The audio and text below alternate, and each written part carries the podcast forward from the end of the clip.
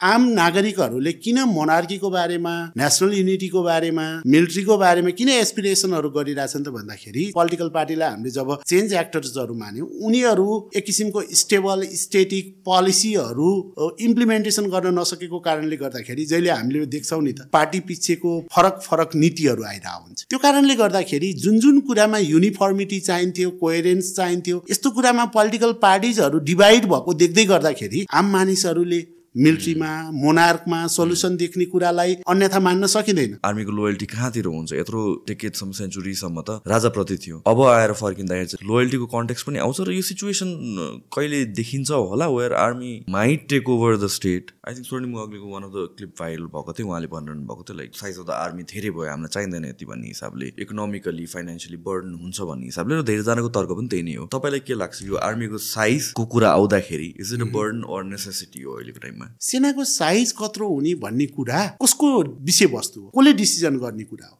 कुनै एउटा एक्सपर्ट्सले बोल्ने कुरा हो या कन्ट्रीको लागि कानुन बनाउने स्वतन्त्र जुन निकाय छ हाम्रो पार्लियामेन्टले डिसिजन गर्नुपर्ने कुरा सेनाको राइट साइजिङको बारेमा छलफलहरू हुने कुरा सकारात्मक लाग्छ मेरो विचारमा। तर सेनाको डाउन साइजिङ भन्नुको अर्थ के हो त भन्दाखेरि एक किसिमले स्टेबल प्रोफेसनल मिलिट्रीको आत्मविश्वास र कन्ट्रीप्रतिको त्यो वफादारितामा क्वेसन गर्नु हो जस्तो पनि मलाई लाग्छ। किन भन्दाखेरि के आधारमा डाउन साइज गर्ने? त केही न केही त मानकहरू त चाहियो नि त। पछिल्लो पाँच सात वर्ष दस वर्ष पन्ध्र वर्ष दस वर्षको दौरानको समयावधि हेऱ्यो भने हामी हाम्रो नेसनल इन्ट्रेस्टलाई प्रोटेक्ट गर्दै गर्दाखेरि हामी ग्लोबल एक्टर्सहरूको इन्ट्रेस्टमा पनि फसिराखेका छौँ। नेपालमा अहिले कोही मान्छे प्रो अमेरिकन भएर सोध्छ कोही मान्छे प्रो चाइनिज भएर सोध्छ कोही मान्छे प्रो इन्डियन भएर सोध्छ। कमिङ ब्याक टु नेपालको आर्मीको कुरा गर्दाखेरि एउटा बेला बेलामा आरोप आइराख्ने कुरा के हो भनेपछि आर्मीले बिजनेस गर्न थाल्यो कन्स्ट्रक्सन गर्न थाल्यो अरू प्रोजेक्टहरू लिन थाल्यो र आर्मी प्रफिट ओरिएन्टेड हुन थाल्यो भन्ने काइन्ड अफ एलिगेसन्सहरू बेला बेलामा आउँछ। न यसलाई चाहिँ कसरी हेर्ने? आर्मीले प्रोजेक्ट्सहरू कसरी लिन्छ किन लिन्छ र त्यो जरुरत छ कि छैन? राइट सो जिम जानु मन छ तर के मिल्दैन के मिल्दैन? कहिले चाहिँ टाइम मिल्दैन कहिले भनेको मलाई थाहा नै छैन त्यहाँ गएर के गर्ने? एन्ड युजली के हुने रहेछ भनेपछि जे पनि कुरा स्टार्ट गर्ने बेलामा चाहिँ हामीले यो सानो सानो सानो कुराहरू जुन प्रब्लमहरू छ त्यसले गर्दा हामी पछि पछि पछि भनेर सुरु गरेर आउँछौँ। स्टार्ट टुडे हप्ताको छ दिन जानु सकिँदैन हप्ताको दुई दिन जानु हप्ताको तिन दिन जानु दुई घन्टा वर्कआउट गर्नु सक्दैन आधा घन्टा वर्कआउट गर्नु। तर स्टार्ट गर्ने भनेको चाहिँ आज हो थोरैबाट स्टार्ट गर्ने हो र बिस्तारै बिस्तारै बिस्तारै बिल्ड गर्दै लग्ने हो। Remember Rome wasn't built in a day neither will your body be built in a day so त्यो कारणले गरेर चाहिँ तपाईँ टाइम लिनुहोस्। थोरैबाट सुरु गर्नुहोस्। And for that the physique workshop छ। द फिजिक वर्कसप चारवटा लोकेसनमा महाराजगञ्ज मैदेवी बानेश्वर र कुमारी पार्टी यहाँ नम्बरहरू छ। अहिले टु डेज फ्री ट्रायल दिइरहेको छौँ where you can walk in to the gym त्यहाँ गएर एक्सर्साइज गरेर हेर्नुहोस्। ट्रेनरहरूसँग कन्सल्टेसन गर्नु फर फ्री एन्ड तपाईँलाई जोइन गर्न मन नलाग्यो भने जोइन नगर्नुहोस्। तर if you like it if you want to join अहिले डिस्काउन्ट्सहरू पनि छ। तपाईँले जिममा फोन गरेर पनि बुझ्न सक्नुहुन्छ। एन्ड द फिजिक वर्कसपमा के छ भनेपछि यो चारवटै लोकेसनमा तपाईँ जुन लोकेसनमा जाँदाखेरि पनि भयो एउटा ब्रान्चमा तपाईँले मेम्बरसिप लिनुभएको छ भने अरू ब्रान्चमा गएर वर्कआउट गर्दाखेरि पनि हुन्छ र त्यहाँ ट्रेनर्सहरू तपाईँहरूलाई गाइड गर्नुको लागि हुन्छ जसले चाहिँ तपाईँलाई customize workout plan customize diet plan तपाईँको टाइम अनुसारले तपाईँको एक्सपिरियन्स अनुसारले र तपाईँको गोल अनुसारले चाहिँ तपाईँलाई बनाइदिनुहुन्छ। र त्यो कारणले गरेर चाहिँ तपाईँलाई हुने काइन्ड अफ एउटा प्लान रेडी हुन्छ किनभने सबैजनाको लागि सेम डायट हुँदैन। कसैको वेट डिफ्रेन्ट होला हाइट डिफ्रेन्ट होला एज डिफ्रेन्ट होला गोल डिफ्रेन्ट होला खान मन लाग्ने मन नलाग्ने कुराहरू डिफ्रेन्ट होला तपाईँको बडी वेट डिफ्रेन्ट होला। सो सबैलाई एउटै डायट एउटै वर्कआउटले हुँदैन। Customize workout and diet plan only at the physique workshop locations at four branches Maharajganj Maidevi Baneshwar Kumaripati let's get fit okay चिरञ्जीवीजी एउटा सानो इन्ट्रोडक्सनबाट सुरु गरौँ त तपाईँको मैले आफूलाई चिनाउँदै गर्दाखेरि शान्तिको क्षेत्रमा काम गर्ने एउटा अभियन्ताको रूपमा पनि भन्न मन पराउँछु। म मेरो अहिलेको आबद्धताको हिसाबले हेऱ्यो भने म त्रिभुवन विश्वविद्यालयको द्वन्द्व शान्ति र विकास विभागमा उप प्राध्यापकको रूपमा काम गर्छु र विगत एक डेढ दशक यता नेपालको द्वन्द्व शान्ति प्रक्रिया र सुरक्षासँग सम्बन्धित विषयवस्तुहरू अध्ययन अनुसन्धान गर्ने कामहरू सो बेसिकली हामीहरूको आजको कन्भर्सेसन रिगार्डिङ आर्मी कन्फ्लिक्टहरू हामीहरूको ओभरअल त्यो सिनेरीमा हामी कुरा गर्छौँ। त्योभन्दा अगाडि लेट स्टार्ट विथ नेपालमा आर्मीको हिस्ट्री चाहिँ के छ कहाँबाट सुरु हुन्छ र अहिलेको सिचुएसनसम्म त्यसरी चाहिँ सुरु गरौँ हामी। जस्तो नेपालको आर्मीको इतिहासको बारेमा कुरा गर्दाखेरि म संक्षेपमा केही कुराहरू भन्न चाहन्छु। हामीले सुनेको पनि छौँ हाम्रो नेपालको आधुनिक राज्यको इतिहास भनेको बडा महाराज धिराज पृथ्वीनारायण शाहको एकीकरणको इतिहाससँग जोडिएको हुन्छ। तर नेपालमा सेनाको इतिहास भनेको एकीकरण पूर्व पनि छ। एकीकरण पहिले पनि सेनाका हाम्रो सेनाको विभिन्न नेपाली सेना नै भन्ने त थिएन। तर गोर्खा राज्यको सेनाको रूपमा अर्थात् विभिन्न नाउँहरूमा विभिन्न दलहरू थियो। सेनाको चारवटा पाँचवटा जति दलहरू एकीकरण पहिले पनि थियो। र पृथ्वीनारायण शाहको एकीकरणदेखि हालसम्म आउँदै गर्दाखेरि जब शाह डाइनेस्टीको रुलिङ सिस्टम भयो नेपालमा। पृथ्वीनारायण शाहले सुरुवात गरेको कुरा अन्तिम पटक आएर ज्ञानेन्द्र वीरविक्रम शाहदेवसम्म आयो। करिब करिब दुई सय चालिस प्लस वर्ष नेपालमा शाहवंशीय शासन व्यवस्था पनि चल्यो। र यो सेनाको इतिहास गोर्खा राज्यबाट फैलिएको नेपाल र आधुनिक नेपालको निर्माणसँगै बिस्तारै सँगसँगै बढ्दै आएको पनि देख्न सकिन्छ। र सेना राज्यभन्दा पहिले पनि यो देशमा सेना थियो यो एकीकरण भएको राज्यभन्दा पहिले पनि थियो होइन? त्यसैको लिगेसी निरन्तर चलिआएको छ। सो अहिले रिसेन्टली कुरा आउनेहरू भनेको चाहिँ अब हामीले कम्पेयर गर्नु पर्दाखेरि चाहिँ हाम्रो जुन भित्र देशभित्र कन्फ्लिक्ट भयो आर्म कन्फ्लिक्ट भयो त्योभन्दा अगाडिको स्टेट के थियो र पछाडि अहिले करेन्टली के छ भनेर कुरा गर्नु पर्दाखेरि चाहिँ तपाईँको त्यसमा चाहिँ अब्जर्भेसन के छ? जस्तो हामीले हेऱ्यो भने सेनाकै अवस्था हेऱ्यो भने पनि सेना द्वन्द्वभन्दा अगाडि सेनाको अवस्था कस्तो थियो र द्वन्द्व पछाडि कस्तो भयो? द्वन्द्वको दौरानमा सेनाको भूमिका के भयो? यी सबै महत्त्वपूर्ण कुराहरू हुन् अहिलेको छलफलको लागि। सेनाले अहिले द्वन्द्वसँग मात्रै रिलेट गर्नुभन्दा पनि हाम्रो मोनार्कीसँग पनि सेनाको डिरेक्ट रिलेसनसिप थियो। र हामीले अहिले पनि हेर्छौँ सेनाको लोयल्टी सिफ्ट भएको भनेको विशेष गरेर बैसठी त्रिसठीको जनआन्दोलनपछि हामी सङ्घीय लोकतान्त्रिक गणतन्त्रात्मक व्यवस्थामा जब नेपाललाई रूपान्तरण गऱ्यौँ त्यस पछाडि सेनाको लोयल्टी पूर्ण रूपबाट राजाबाट नागरिक अब सिभिलियन सुप्रिमेसीको रूपमा हामी कुरा गर्छौँ। त्यो एउटा सिभिलियनमा ट्रान्सफर भएको। र सेना सङ्ख्यात्मक हिसाबले हेऱ्यो भने पनि माओवादी जनयुद्ध अर्थात् एक दशक लामो शस्त्र युद्धभन्दा अगाडि सेनाको सङ्ख्या निकै सानो थियो। करिब करिब चालिस पैँचालिस हजारको सङ्ख्यामा मात्रै सेनाहरू थियो। र जब द्वन्द्वकालको समयमा द्वन्द्वको पनि पहिलो चार पाँच वर्ष सेनामा त्यति विशेष उल्लेख्य किसिमबाट सेनाको सङ्ख्याहरूमा वृद्धि भएको पाइँदैन। त्यति बेला लो इन्टेन्सिटीको कन्फ्लिक्ट थियो नाइन्टिन नाइन्टी सिक्सदेखि टु थाउजन्ड वान अर्थात् अन्ठाउन्न सालभन्दा पहिले अलिकति नेपालको द्वन्द्वहरू लो इन्टेन्सिटीको थियो। त्यो लो इन्टेन्सिटीको वारफेयरमा पनि सेनाको इन्भल्भमेन्ट खासै थिएन। र नेपाल सरकारले माओवादी आन्दोलन अर्थात् युद्धलाई ल एन्ड अर्डरको प्रब्लमको रूपमा मात्रै परिभाषित गरेको थियो। जब अन्ठाउन्न सालपछि सरकारले इमर्जेन्सीहरू लगाउन थाल्यो सङ्कटकालको घोषणाहरू गर्न थाल्यो र सेनाको प्रत्यक्ष संलग्नता पनि बढ्न थाल्यो। सेनाको संलग्नता बढिसकेपछि सेनाको सङ्ख्यामा पनि उल्लेख्य वृद्धि भयो र द्वन्द्वको अन्तिम अन्तिम समयसम्म आउँदै गर्दाखेरि सेनाको सङ्ख्यामा पनि उल्लेख्य वृद्धि भएको थियो। करिब करिब चालिस पैँचालिस हजार बाट सुरुवात भएको सेना युद्ध सकिएर आउँदै गर्दा नाइन्टी थाउजन्डको आसपासमा पुगेको थियो। एक किसिमले भन्यो भने सेनाको साइज डबल भएको हो युद्धको समयमा। र सेनाको हामीले हेऱ्यो भने तपाईँले पनि मनन गर्नुभएको छ होला। नाइन्टिन नाइन्टी अर्थात् दुई हजार सत्तालिस सालको संविधानभन्दा अगाडि हामीले हेऱ्यो पञ्चायतको टाइममा त दरबारकै सेना भन्ने किसिमबाट पनि सेनालाई परिभाषित गरिन्थ्यो। तर नाइन्टिन नाइन्टी अर्थात् दुई हजार सत्तालिस सालको संविधानपछि संविधान त सेनाको बारेमा पनि धेरै कुराहरू उल्लेख थियो। तर सेनाको पूर्ण रूपान्तरण अर्थात् रेजिमको प्रोटेक्सन सेनाको एउटा म्यान्डेट थियो भने पहिले रेजिमको प्रोटेक्सन र स्टेटको प्रोटेक्सन दुईवटा कुरा सेनाले विशेष गरेर गर्थ्यो भने अहिले रेजिमभन्दा पनि पिपुल सेन्ट्रिक सेना भएको हामीले पाउन सक्छौँ। जुन द्वन्द्वपछि र मोनार्कीको एन्डपछि सेनाको ट्रान्सफर्मेसनको रूपमा हामीले मनन गर्न सकिन्छ यसलाई।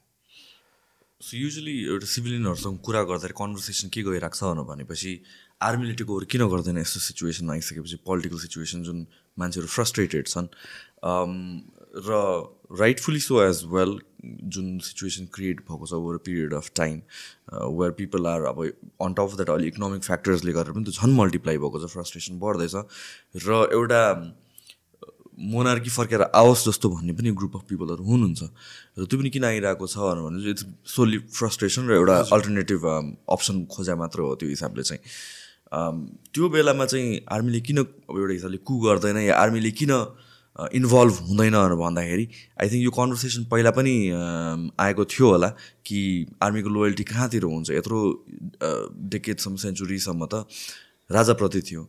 अब आएर फर्किँदाखेरि चाहिँ चेन्ज हुँदाखेरि चाहिँ लोयल्टीको कन्टेक्स पनि आउँछ र यो सिचुएसन कहिले देखिन्छ होला? Where army might take over the state अनि त्यो त्यो कन्ट्रोल आफ्नो हातमा लिने जुन थुप्रै भनौँ न एउटा हिसाबले चिया पसल गफ जस्तो पनि भयो घर घरमा कुरा पनि हुन्छ होला। त्यो सिचुएसन आउँछ होला र? पोसिबल होला। नेपालको सन्दर्भमा बुझ्दाखेरि म सिभिलियन हो म मिलिट्री होइन। तर पनि मलाई के लाग्छ भन्दाखेरि मेरो ओपिनियनले अरू कोही व्यक्तिहरूको लागि लाग्न सक्छ यो किन प्रो मिलिट्री कन्भर्सेसन गरिरहेछ जस्तो पनि लाग्न सक्छ। तर मलाई लाग्छ कि नेपालको सेना भनेको पूर्ण व्यावसायिक सेना हो। अहिले जति पनि हामीले हेर्छौँ नेपाली सेनाको इमेज नेसनली र इन्टरनेसनली एक किसिमको पृथक छ। र इन्टरनेसनल लेभलबाट हेऱ्यो भने पनि वर्ल्डको सबै कन्फ्लिक्टहरूमा नेपाली सेनाले हाम्रो सेकेन्डदेखि फोर्थसम्म जस्तो कि युएन पिस किपिङ ट्रुप्समा हामीले एक लाख पचास हजारभन्दा बेसी सैनिकहरूले र सुरक्षा अङ्गको व्यक्तिहरूले पिस किपिङ मिसनमा काम गरिसकेका छ एउटा हाम्रो ग्लोबल इमेज के हो त भन्दाखेरि हामी घरभित्र मात्र होइन कि घरभन्दा बाहिर पनि संसारभर शान्तिको लागि सुरक्षाको लागि नेपाली सेना र अन्य सुरक्षा अङ्गहरू हाम्रो एकदमै कटिबद्ध छ प्रतिबद्ध छ र व्यावसायिक छ भन्ने एउटा हाम्रो इमेज छ। र कन्ट्रीको कुराहरू गर्दै गर्दाखेरि अधिकांश मान्छेहरूलाई लाग्छ होला। अब त्यो मलाई त त्यस्तो कुराहरू लाग्दैन। किन भन्दाखेरि जहिले पनि नेपाली सेनाले हिजो राजासँग हुँदाखेरि पनि रेजिम र स्टेटको प्रोटेक्सन गरे हो व्यावसायिक तवरबाट। र एन्ड अफ द मोनार्की जब हामी केमा गयो त भन्दाखेरि फेडरल डेमोक्रेटिक रिपब्लिक सिस्टममा गयो अहिले फेडरल डेमोक्रेटिक रिपब्लिक सिस्टममा गइसकेपछि पनि हामीले नेपाली सेनालाई कसरी देखिरहेछौँ त भन्दाखेरि एउटा पूर्ण व्यावसायिक संविधान र राज्य व्यवस्थाप्रति वफादार सुरक्षा निकायको रूपमा पाइराखेका छौँ। तर यो पटक पटक मान्छेहरूले किन यस्तो कुराहरू गर्छ होला भन्दाखेरि सबैतिरको वितृष्णालाई त्यो नैराश्यतालाई केही न केही हदबाट आफूभित्र आन्तरिक रूपमा सन्तुष्टि जेनेरेट गर्नको लागि पोलिटिसियनहरूलाई त हेरिसक्यो। धेरै पटक हेऱ्यो नि त राजनीतिक दलको व्यक्तिहरूलाई त। डिरेक्टली आर्मीले रुल गरेको हेरेको छैन। अनि मान्छेहरूलाई लाग्छ होला कि आर्मीले यो कुराहरू लेखिदियो भने के हुन्छ भनेर अलिकति हाइपोथेटिकल कुराहरू मात्रै गरेको जस्तो लाग्छ। तर मलाई लाग्दैन। हाम्रो कन्टेक्स्टमा जुन तबरबाट हाम्रो मिलिट्री प्रोफेसनल मिलिट्री छ। एउटा प्रोफेसनल मिलिट्रीले प्रोफेसनल सेनाले कहिले पनि रेजिम आफै बदल्ने भन्ने कुरा हुँदैन।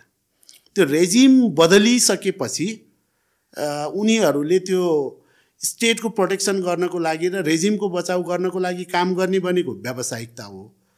आफै नै एक्टर्स भएर रेजिम बदल्ने भन्ने कुरा भनेको फेरि राजनैतिक महत्त्वकाङ्क्षा हो। हाम्रो व्यावसायिक सेनाले राजनैतिक महत्त्वकाङ्क्षा लिक्छ जस्तो मलाई लाग्दैन र त्यो लिक्छ पनि तर यो लिनियर पाथबाट गयो भने भोलि अलप सडेन एउटा कुनै किसिमको घटनाहरू भयो होइन। त्यसले इन्भाइट गर्यो उनीहरूको रोलहरू डिमान्ड गर्यो भने त फ्युचरको बारेमा धेरै प्रोजेक्सन त के नै गर्न सकिन्छ र। तर अहिलेको यो लिनियर थिङ्किङबाट लिनियर पाथबाट र हाम्रो मिलिट्रीको हिस्ट्री हेऱ्यो भने उनीहरूको त्यो जति पनि अहिलेसम्मको ट्रान्सफर्मेसनको एउटा जर्नी हेऱ्यो भने मलाई लाग्दैन कि सामान्य नागरिकहरूले चिया पसलमा सोचे जस्तो सेना आफै सक्रिय भएर यहाँको राज्य व्यवस्था परिवर्तनको लागि महत्त्वपूर्ण भूमिका खेल्छ जस्तो मलाई लाग्दैन। त्यो त्यो मात्र नभएर आई थिङ्क अर्को पर्सपेक्टिभ के पनि आउँछ भनेपछि वान पोइन्टमा जब किङ वाज लाइक एउटा युनिफाइङ फ्याक्टर एउटा फिगर थियो एउटा फिगर अफ ट्रस्ट भनौँ न त्यो कहाँ कहाँ आर्मीतिर सिक गरे हो कि कतिजनाले जस्तो पनि लाग्छ कि where people trust the army किनभने पहिलादेखि भइरहेको इन्स्टिट्युसन हो र नयाँ आएको इन्स्टिट्युसनले जुन हिसाबले एक्सपेक्टेसन राखेको थियो त्यो गर्न सकिरहेको छैन। हाम्रो कन्टेक्स्टमा हेऱ्यो भने मोनार्की भनेको एक दुईवटा कुराहरू कसैको लागि लाग्ला मोनार्की भनेको बिल्कुल एउटा पोलिटिकल आइडियोलोजी मात्रै हो। मोनार्क भन्ने कुराहरू अहिले जति पनि पोलिटिकल पार्टिजहरूले प्रो मोनार्क पोलिटिकल पार्टिजहरू छ नि उनीहरूको लागि मोनार्की भनेको पोलिटिकल पार्टी सस्टेन गर्ने एउटा आइडियोलोजिकल पोइन्ट होला। तर अधिकांश नेपालीहरूको लागि राज संस्था के हो त भन्दाखेरि सिम्बल अफ नेसनल युनिटी थियो। एकदमै। त्यो सिम्बल अफ नेसनल युनिटी किन हो भन्दाखेरि जति पनि यो भन्दै गर्दाखेरि मैले भनेको म फेरि मोनार्कीको विचारधारालाई प्रोटेक्सन गरेको पनि होइन र यसको बचाउ गरेको पनि होइन। तर मैले भन्न खोजेको कुरा के हो त भन्दाखेरि पोलिटिकल पार्टिजको नेचर नै के हो त भन्दाखेरि parties comes from the part. Society होललाई त कुनै पनि पोलिटिकल पार्टीले संसारभर रिप्रेजेन्ट गर्नै सक्दैन। तपाईँ हेर्नुहोस् युएसमा पनि डेमोक्रेटिक रिपब्लिकनकोहरूको डिभाइड छ नि त। हाम्रै कन्ट्रीमा पनि जुनसुकै बेलामा पञ्चायतमा पार्टीलेस पञ्चायत सिस्टममा पनि धेरै पोलिटिकल पार्टिजहरू डेमोक्रेटिक वेभ आइसकेपछि त पोलिटिकल पार्टीको सङ्ख्याहरू विस्तार हुने ट्रेन्ड त हामीले देखिरहेका छौँ। पोलिटिकल पार्टीको नेचरै के हो त भन्दाखेरि पोलिटिकल पार्टिज भन्ने बित्तिकै यसले सर्टेन सेक्सन अफ द सोसाइटीलाई मात्रै पार्टलाई मात्रै रिप्रेजेन्ट गर्न सक्छ। हन्ड्रेड पर्सेन्ट पार्टिज हुन नै जरुरी नाइ पनि पार्टी हुन जरुरत छैन। तर। यस्तो अवस्थामा कहिलेकाहीँ के गर्छ त भन्दाखेरि आम नागरिकहरूले किन मोनार्कीको बारेमा नेसनल युनिटीको बारेमा मिलिट्रीको बारेमा किन एसपिरेसनहरू गरिरहेछन् त भन्दाखेरि चेन्ज एक्टर्सहरू पोलिटिकल पार्टीलाई हामीले जब चेन्ज एक्टर्सहरू मान्यौँ उनीहरू एक किसिमको स्टेबल स्टेटिक पोलिसीहरू इम्प्लिमेन्टेसन गर्न नसकेको कारणले गर्दाखेरि जहिले हामीले देख्छौँ नि त पार्टी पिछेको फरक फरक नीतिहरू आइरहेको हुन्छ जस्तो सर्टेन कुराहरूमा युनिफर्म कोहेरेन्ट पोलिसीहरू चाहिन्छ। जस्तो नेसनल सेक्युरिटीको कुरा हेऱ्यो भने राष्ट्रिय सुरक्षाको सवाल भनेको त पार्टीको इस्यु मात्रै होइन नि त। यो त समग्र नागरिकको इस्यु हो। विदेश नीतिको सवाल भनेको पार्टीको कुनै एउटा पर्टिकुलर पोलिटिकल पार्टीको एजेन्डा मात्र होइन नि त। यो त समग्र देशको इस्यु हो। त्यो कारणले गर्दाखेरि जुन जुन कुरामा युनिफर्मिटी चाहिन्थ्यो कोहेरेन्स चाहिन्थ्यो यस्तो कुरामा पोलिटिकल पार्टिजहरू डिभाइड भएको देख्दै गर्दाखेरि आम मानिसहरूले मिलिट्रीमा मोनार्कमा सल्युसन देख्ने कुरालाई अन्यथा मान्न सकिँदैन। तर हामी कुन कन्स्टिट्युसनल फ्रेमवर्कमा बसेर कुरा गर्दैछौँ भन्ने कुरा महत्त्वपूर्ण हुन्छ। टु थाउजन्ड सिक्सभन्दा अगाडिको पोलिटिकल फ्रेमवर्कमा त हामी अहिले छैनौँ। हाम्रो कन्स्टिट्युसनले त हामीलाई के बनाएको छ त भन्दाखेरि फेडरल डेमोक्रेटिक रिपब्लिक भनिरहेछ। फेडरल डेमोक्रेटिक रिपब्लिक भनेको कुरा पनि त्यत्तिकै लिएर आएको कुरा पनि होइन। अब यसको प्रोसेस पनि हामीले अब्जर्भ गरेकै हो। त्यसले गर्दाखेरि यो व्यवस्थाको प्रब्लम हो या व्यवस्थाको नेतृत्व गर्ने पात्रहरूको प्रब्लम हो भन्ने कुरा यकिन नगरिकनै व्यवस्था र पात्रलाई एकै ठाउँमा राखेर जब हामी जजमेन्टहरू गर्न थाल्छौँ नि यसले केही न केही प्रब्लमहरू ल्याउँछ जस्तो मलाई लागिरहेको छ। यी सबै अघि हजुरले भन्नुभएको कुराहरू पनि to some extents one or other way यिनै यिनै फ्रस्ट्रेसनको बिचबाट कहीँ कतैबाट सिर्जित भएको हो कि जस्तो मलाई लाग्छ। हन्ड्रेड पर्सेन्ट त्यही नै हो। तर यो वेन इट कम्स टु आर्मीको साइजको कुरा पनि आउँछ र अहिले जुन एउटा पर्पसले बढाइएको थियो अलमोस्ट डबल नै गरियो जुन कन्फ्लिक्ट भएको बेलामा। टाइम एन्ड अगेन कुरा आइरहेको छ आर्मीको साइज यत्रो हुनुपर्ने हो कि होइन? या डाउन साइज गर्नुपर्ने हो कि? र यत्रो आर्मी यति धेरै आर्मी हुन जरुरी छ कि छैन भन्ने कुराहरू आउँछ। त्यसमा चाहिँ तपाईँको के छ? किन रिसेन्टली पनि I think Swarnim अग्लीको one of the clip viral भएको थियो उहाँले भनिरहनु भएको थियो like size of the army धेरै भयो हामीलाई चाहिँदैन यति भन्ने हिसाबले। इकोनोमिकली फाइनेन्सियली बर्डन हुन्छ भन्ने हिसाबले र धेरैजनाको तर्क पनि त्यही नै हो। तपाईँलाई के लाग्छ? यो आर्मीको साइजको कुरा आउँदाखेरि is it a burden or necessity हो अहिलेको टाइममा? जस्तो हामीले पहिलो कुरा त के मलाई उहाँहरूको विचारहरूलाई त सम्मान गर्छु।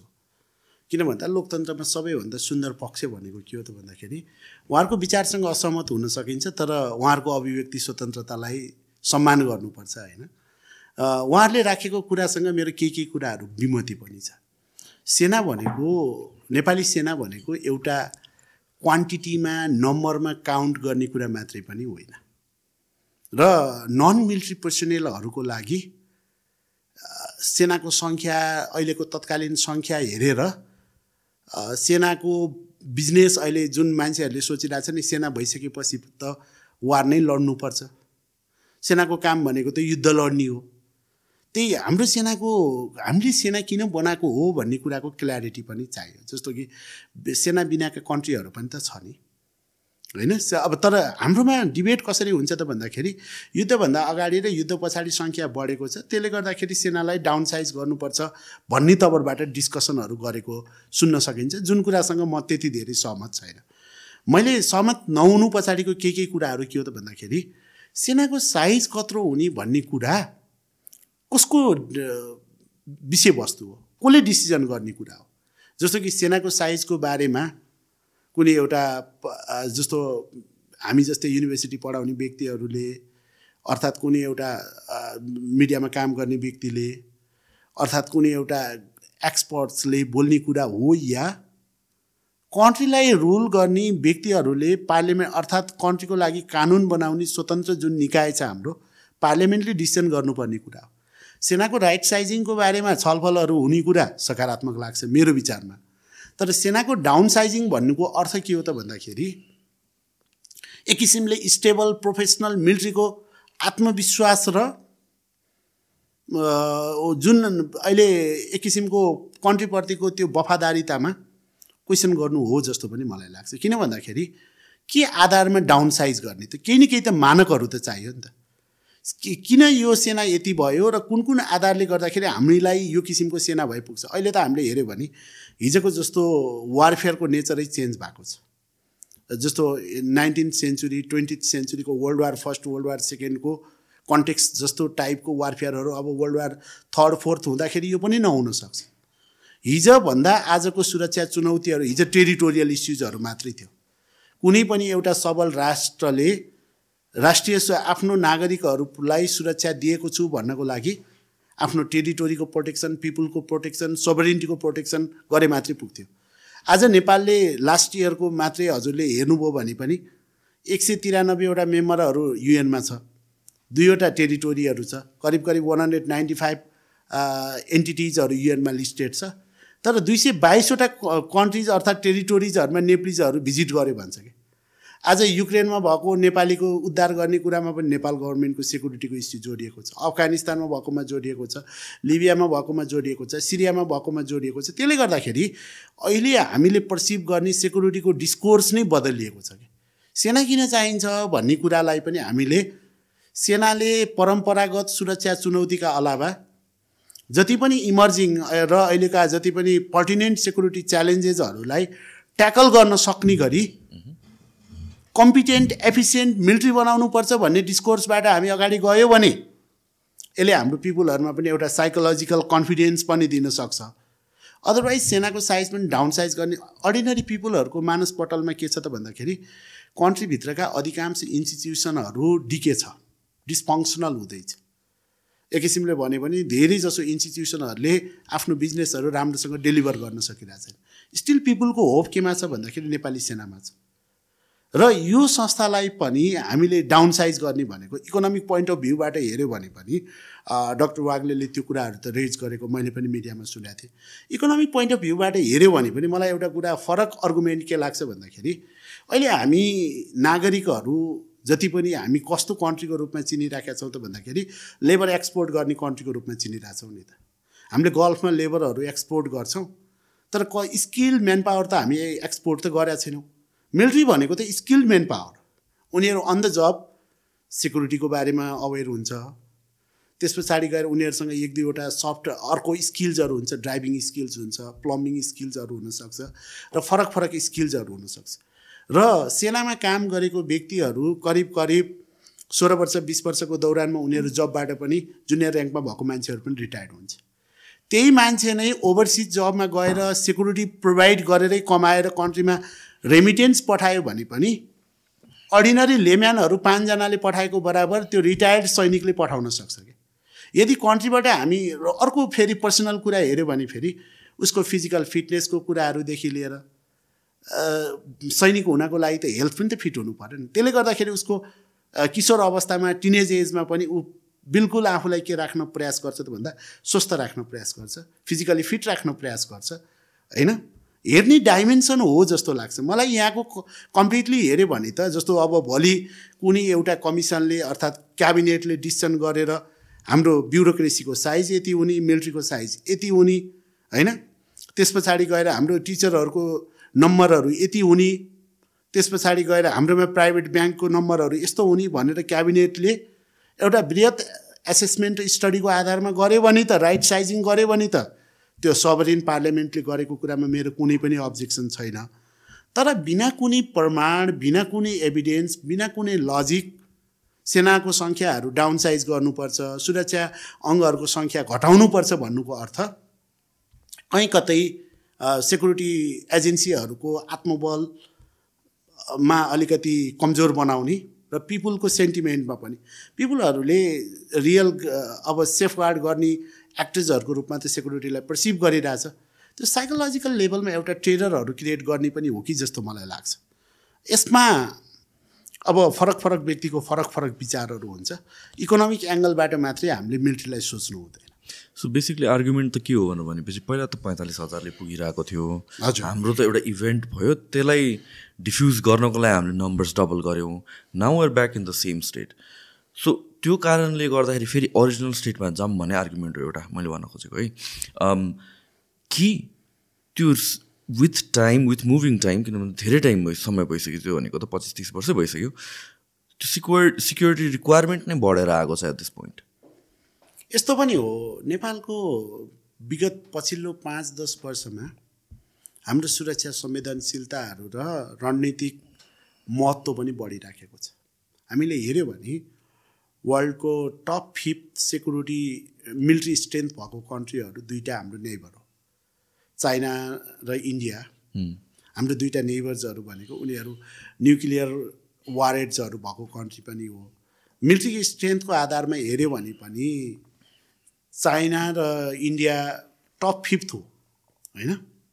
यो दुइटा कन्ट्रीको बिचमा बसेर साइजकै हिसाबले हेऱ्यो भने पनि हामीभन्दा धेरै ठुलो कन्ट्रीहरू छ इन्डिया र चाइना। पपुलेसनको हिसाबले इकोनोमीको हिसाबले हेऱ्यो भने मलाई लाग्दैन कि हाम्रो आर्मीको सोल प्रपोज भनेको नाइबरसँग अर्थात् त्यो टेरिटोरियल एक्सपेन्सन अबको हाम्रो सेनाको मुख्य विषयवस्तु हो जस्तो मलाई लाग्दैन। किनकि टेरिटोरियल एक्सपेन्सनको पोइन्ट अफ भ्यूबाट अधिकांश हाम्रोमा जति पनि लजिकहरू सुन्ने गरिन्छ भारत र चिनका ठुला ठुला सङ्ख्यामा रहेको सैनिकहरूसँग नेपाली सेना लड्न सक्दैन भन्छ कि? हाम्रो सेनाको साइज कम छ भन्छ। सेनाको काम भनेको त्यो मात्र पनि त होइन नि। हाम्रो संविधानले सेनालाई के मेन्डेट दिएको छ? देशको सार्वभौम सत्ताको रक्षा गर्ने कुरा स्वाधीनताको रक्षा गर्ने कुरा नेसनल इन्ट्रेस्टहरू अर्थात् अब राष्ट्रिय हितको रक्षा गर्ने कुराहरू पिपुलको प्रोटेक्सन गर्ने कुराहरू टेरिटोरीलाई इन्ट्याक्ट राख्ने कुराहरू पनि त सेनाको म्यान्डेट हो नि त। त्यसले गर्दा मलाई के लाग्छ भन्दा पछिल्लो समय हामीले हेरिरहेछौँ पनि पृथ्वीनारायण शाहले एउटा इन्ट्रेस्टिङ कुरा भन्नुभएको थियो। जुन भनेको जुन कुरा हामीले धेरै समय विद्यालयमा युनिभर्सिटीमा पनि डिस्कस गऱ्यौँ। पृथ्वीनारायण शाहको दिव्य प्रदेशमा हामीले हेऱ्यौँ भने पनि उहाँले कन्ट्रीको लागि राम्रो म्यासेज दिएर जानुभएको छ। पृथ्वीनारायण शाहको डिक्टम भनेको त नेपाली चाहिँ याम बिट्विन टु बल्डर्स भने हो नि। त्यो बल्डर्स किन भने हो भन्दा याम भनेको त एउटा लिभिङ अर्ग्यान हो। केही कुरा बढ्न सक्ने चिज हो नि त याम भनेको त।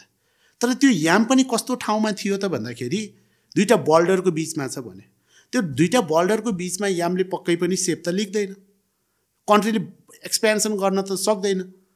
अर्ग्यानिक थ्योरीबाट गऱ्यो भने पनि स्टेट फर्मेसनको अर्ग्यानिक थ्योरीबाट हेऱ्यो भने पनि हाम्रो शरीर जस्तै स्टेट पनि बढ्दै जान्छ त्यसको लागि नरिसमेन्ट चाहिन्छ भन्ने हो नि त।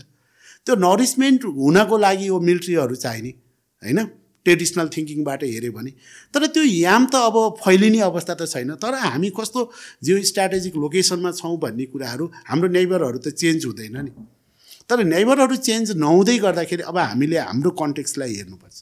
चाइना र इन्डियासँगको बिचमा हामी हुनु र वेस्टर्न कन्ट्रिजहरूले चाइनाको राइससँग डिरेक्टली इन्डिरेक्टली कन्सर्न राख्ने कुराले गर्दाखेरि हाम्रो कन्ट्रीमा सेक्युरिटीको कन्सर्न्सहरू बढ्दै गएको देख्न सकिन्छ। एउटा त हाम्रो नेसनल आफ्नै कन्सर्न छ। अर्को हाम्रो geo strategic point of view जुन जियो स्ट्राटेजिक प्लेस जुन छ त्यो प्लेसले इन्भाइट गरेको एक्सटर्नल सेन्सिटिभिटी पनि हाम्रोमा छ। त्यो कारणले गर्दा सुरक्षा चुनौतीहरू बढेको छ र हाफाजाडली विदाउट सिरियस एसेसमेन्ट होइन यो सेक्युरिटीको नम्बर्सहरूलाई डाउन साइज गर्ने कुराले हामीलाई के लाग्न सक्छ भन्दाखेरि यसले धेरै पोजिटिभ म्यासेजहरू दिन्छ जस्तो पर्सनली मलाई लाग्दैन। एउटा हाइपोथेटिकल सिचुएसनको कुरा गरौँ। है जस्तो कि यो अघि हामीले कुरा गऱ्यौँ सेना आउटसोर्स गर्ने सर्टन कन्ट्रिजमा छ आफ्नो छैन होइन? आउटसोर्स गरेको छ। त्यस्तो केसेसमा नेपालको कन्टेक्समा गर्नु पऱ्यो भने लाइक त्यहाँ सिक्योरिटी थ्रेट हुन्छ कि हुँदैन? How are this countries functioning जस्तो कि त्यसको कुनै इक्जाम्पलहरू जस्तो कि देयर आर कन्ट्रिज तपाईँले भन्नुभयो नि त जहाँ आफ्नै सेना छैन। हजुर। सो त्यस्तो बेलामा चाहिँ कसरी फङ्सन गर्छ कि त्यो कन्ट्रिज अहिले रिसेन्टली हजुरले हेर्नु पनि भयो होला। त्यो युक्रेन रसियाको वारमा होइन? प्राइभेट वाग्नर वाग्नरको इस्युहरू देख्नुभयो हो। अब हामीले सोच्दाखेरि कस्तो भन्दाखेरि कुकहरू ड्राइभरहरू प्लम्बरहरू जस्तो मिलिट्री होइन कि? मिलिट्री के हो भन्दा मिलिट्री इन्स्टिट्युसन हो। तपाईँले एउटा अफिसर हामीले अर्डिनरी मान्छेले कसरी सोध्छ भन्दाखेरि कन्ट्रीलाई प्रब्लम पऱ्यो भने मान्छे बनाउन सक्छ भन्ने गरी सोध्छ क्या। जस्तो कि हामीले केही टेम्पोररी ट्याक्सहरू गर्नु पऱ्यो भने सर्टेन मान्छेलाई सर्टेन टाइम पिरियड ट्रेनिङ गरेर अनि उनीहरूलाई फेरि हामीले डिप्लोइमेन्ट गर्न सक्छ नि त। तर हामी सिम्पली हेर्नु न एउटा मान्छे एउटा आर्मी अफिसर बन्नको लागि एटिन मन्थ थ्रो प्रोसेसमा जानुपर्छ कि ट्रेनिङमा। अनि त्यो एटिन मन्थ ट्रेनिङमा जाँदाखेरि उसको लागि केही नभए पनि चौध पन्ध्र लाख रुपियाँ स्टेटको खर्च हुन्छ। एउटा सेनालाई पूर्ण व्यावसायिक सेना बनाउनको लागि सिपाही बनाउनको लागि पनि करिब करिब एक डेढ वर्ष टाइम लाग्छ। पाँच छ लाख रुपियाँ स्टेटको खर्च लाग्छ। भोलि ल हाम्रो जस्तो अब हामीले त जहिले पनि कसरी सोचिरहेको हुन्छ भन्दाखेरि वारको पोइन्ट अफ भ्यूबाट मात्रै मिलिट्रीलाई सोचिरहेको हुन्छ विगतका केही घटनाहरू हामीले हेरौँ न। अर्थक्वेकको कुरा हेरौँ टु थाउजन्ड फिफ्टिनको होइन। त्यस पछाडि गएर कुनै एउटा डिजास्टरको फ्लडको कुरा गरौँ ल्यान्डस्लाइडको कुरा गरौँ। रेस्क्यु र रिलिफको काममा पनि सबै एउटा क्राइसिस या इमर्जेन्सी आयो भने हामी अर्डिनरी पिपुलहरू बाहिर भएको पनि के गर्छौँ? घरभित्र जान्छौँ घरतिर कुद्छौँ। किन भन्दाखेरि हामीले हाम्रो घरको परिवारको मान्छेहरूको प्रोटेक्सनको इस्यु हाम्रो लागि सबैभन्दा ठुलो हुन्छ। तर घरमा परिवारसँग बसेको पनि उनीहरू सेनाहरू प्रहरीहरू उनीहरू के गर्छ त भन्दाखेरि ड्युटी जोइन गर्छ कि? किन भन्दा क्राइसिस भयो स्टेटको लागि। अब म घरमा बस्नु हुँदैन। मेरो परिवारको भन्दा पनि राज्यको दायित्व मेरो ठुलो छ भनेर आउँछ नि त। त्यस्तो व्यावसायिक प्रोफेसनल सेना ओभरनाइट हामी बनाउन त सक्दैनौँ। सेना भनेको फेरि समग्रतामा भन्यो भने जब पनि होइन अकुपेसन पनि होइन। र यसलाई इन्ट्रेस्टिङली अब जति पनि यो सिभिल मिलिट्री रिलेसनको लिट्रेचर पढ्नेहरूले स्यामुएल पी हन्टिङटनलाई पढ्नुहुन्छ। स्यामुएल पी हन्टिङटनले के भन्नुहुन्छ त भन्दाखेरि there are certain differences between institution and occupation भन्छ कि। सेनाको जति पनि थिङ्किङहरू जस्तो मिलिट्रीको थिङ्किङहरू पनि के हुन्छ इन्स्टिट्युसनल थिङ्किङ हुन्छ कि। अकुपेसन जस्तो जब गर्ने दस पाँचको काम गर्ने मान्छे र जीवनै ब्यारेकमा बिताउने व्यक्तिहरूको बिचमा चौबिस घन्टा ब्यारेकमा बस्ने व्यक्तिहरूको सोचाइको स्तरै फरक हुन्छ नि त। त्यसले गर्दाखेरि हामीले सर्टेन अन्य जबहरूको पोइन्ट अफ भ्यूबाट जस्तो सेनाको सङ्ख्यालाई पनि डिस्कोर्समा छताछुल्ल पारिराखेका छौँ। तर यसमा दुई तिनवटा कुराहरू छ। राइट साइज कसरी गर्न सक्छ भन्ने कुरामा सेनाले पनि आफ्नो निडहरू एसेस गर्न सक्छ नि त। इन्स्टिट्युसन स्वयंले पनि। अनि इन्स्टिट्युसनको माथिल्लो निकाय हुन्छ रक्षा मन्त्रालय छ। रक्षा मन्त्रालयले गर्न सक्छ क्याबिनेटले गर्न सक्छ। र क्याबिनेटभन्दा माथि हाम्रो पार्लियामेन्ट हुन्छ अझै। ल मेकर्सहरू छ। उनीहरूले यो कुरालाई थ्रोली एक्सपर्ट्सहरूको बिचमा बसेर छलफल गरेर यसलाई सतै छलफलको विषयवस्तु बनाउनु भन्दा पनि हाम्रो कन्ट्रीको निड्स अनुसार योभन्दा बढ्न पनि सक्छ। यही सङ्ख्या पनि उपयुक्त हुनसक्छ योभन्दा घट्न पनि सक्छ। त्यसरी हाम्रो कन्ट्रीको निड के के हो? गिभन टाइममा हाम्रो लागि सुरक्षा संवेदनशीलताहरू के के छन्? हाम्रो स्कोपहरू के के छ मिलिट्रीको? त्यसको आधारमा बल्ल नम्बरहरू निर्धारण गर्नुपर्ने कुरा हो। जुन अघिदेखि हजुरले भन्नुभएको छ यसमा मलाई पर्सनल ओपिनियन नै हो होइन। मेरो पर्सनल ओपिनियनले र मेरो आफ्नो इन्टरनल कन्भिक्सनले के भन्छ त भन्दाखेरि कुनै पनि संस्थाहरूको स्थापना गर्नुको औचित्य के हो? त्यो संस्थाले गर्न सक्ने कार्यक्षेत्रगत कामहरू के के हो? र यी संस्थाहरूमा तत्कालै मान्छेहरू बनाउन सकिँदैन भने जस्तो हामीले देखाएको छौँ नि। युएसले रसियाले चाइनाले इन्डियाले पाकिस्तानले पनि रिजर्भ फोर्सहरू राखेको छ स्ट्यान्डिङ फोर्सको सङ्ख्यामा उल्लेख्य फोर्सहरू रिजर्भ फोर्सहरू राखेको छ।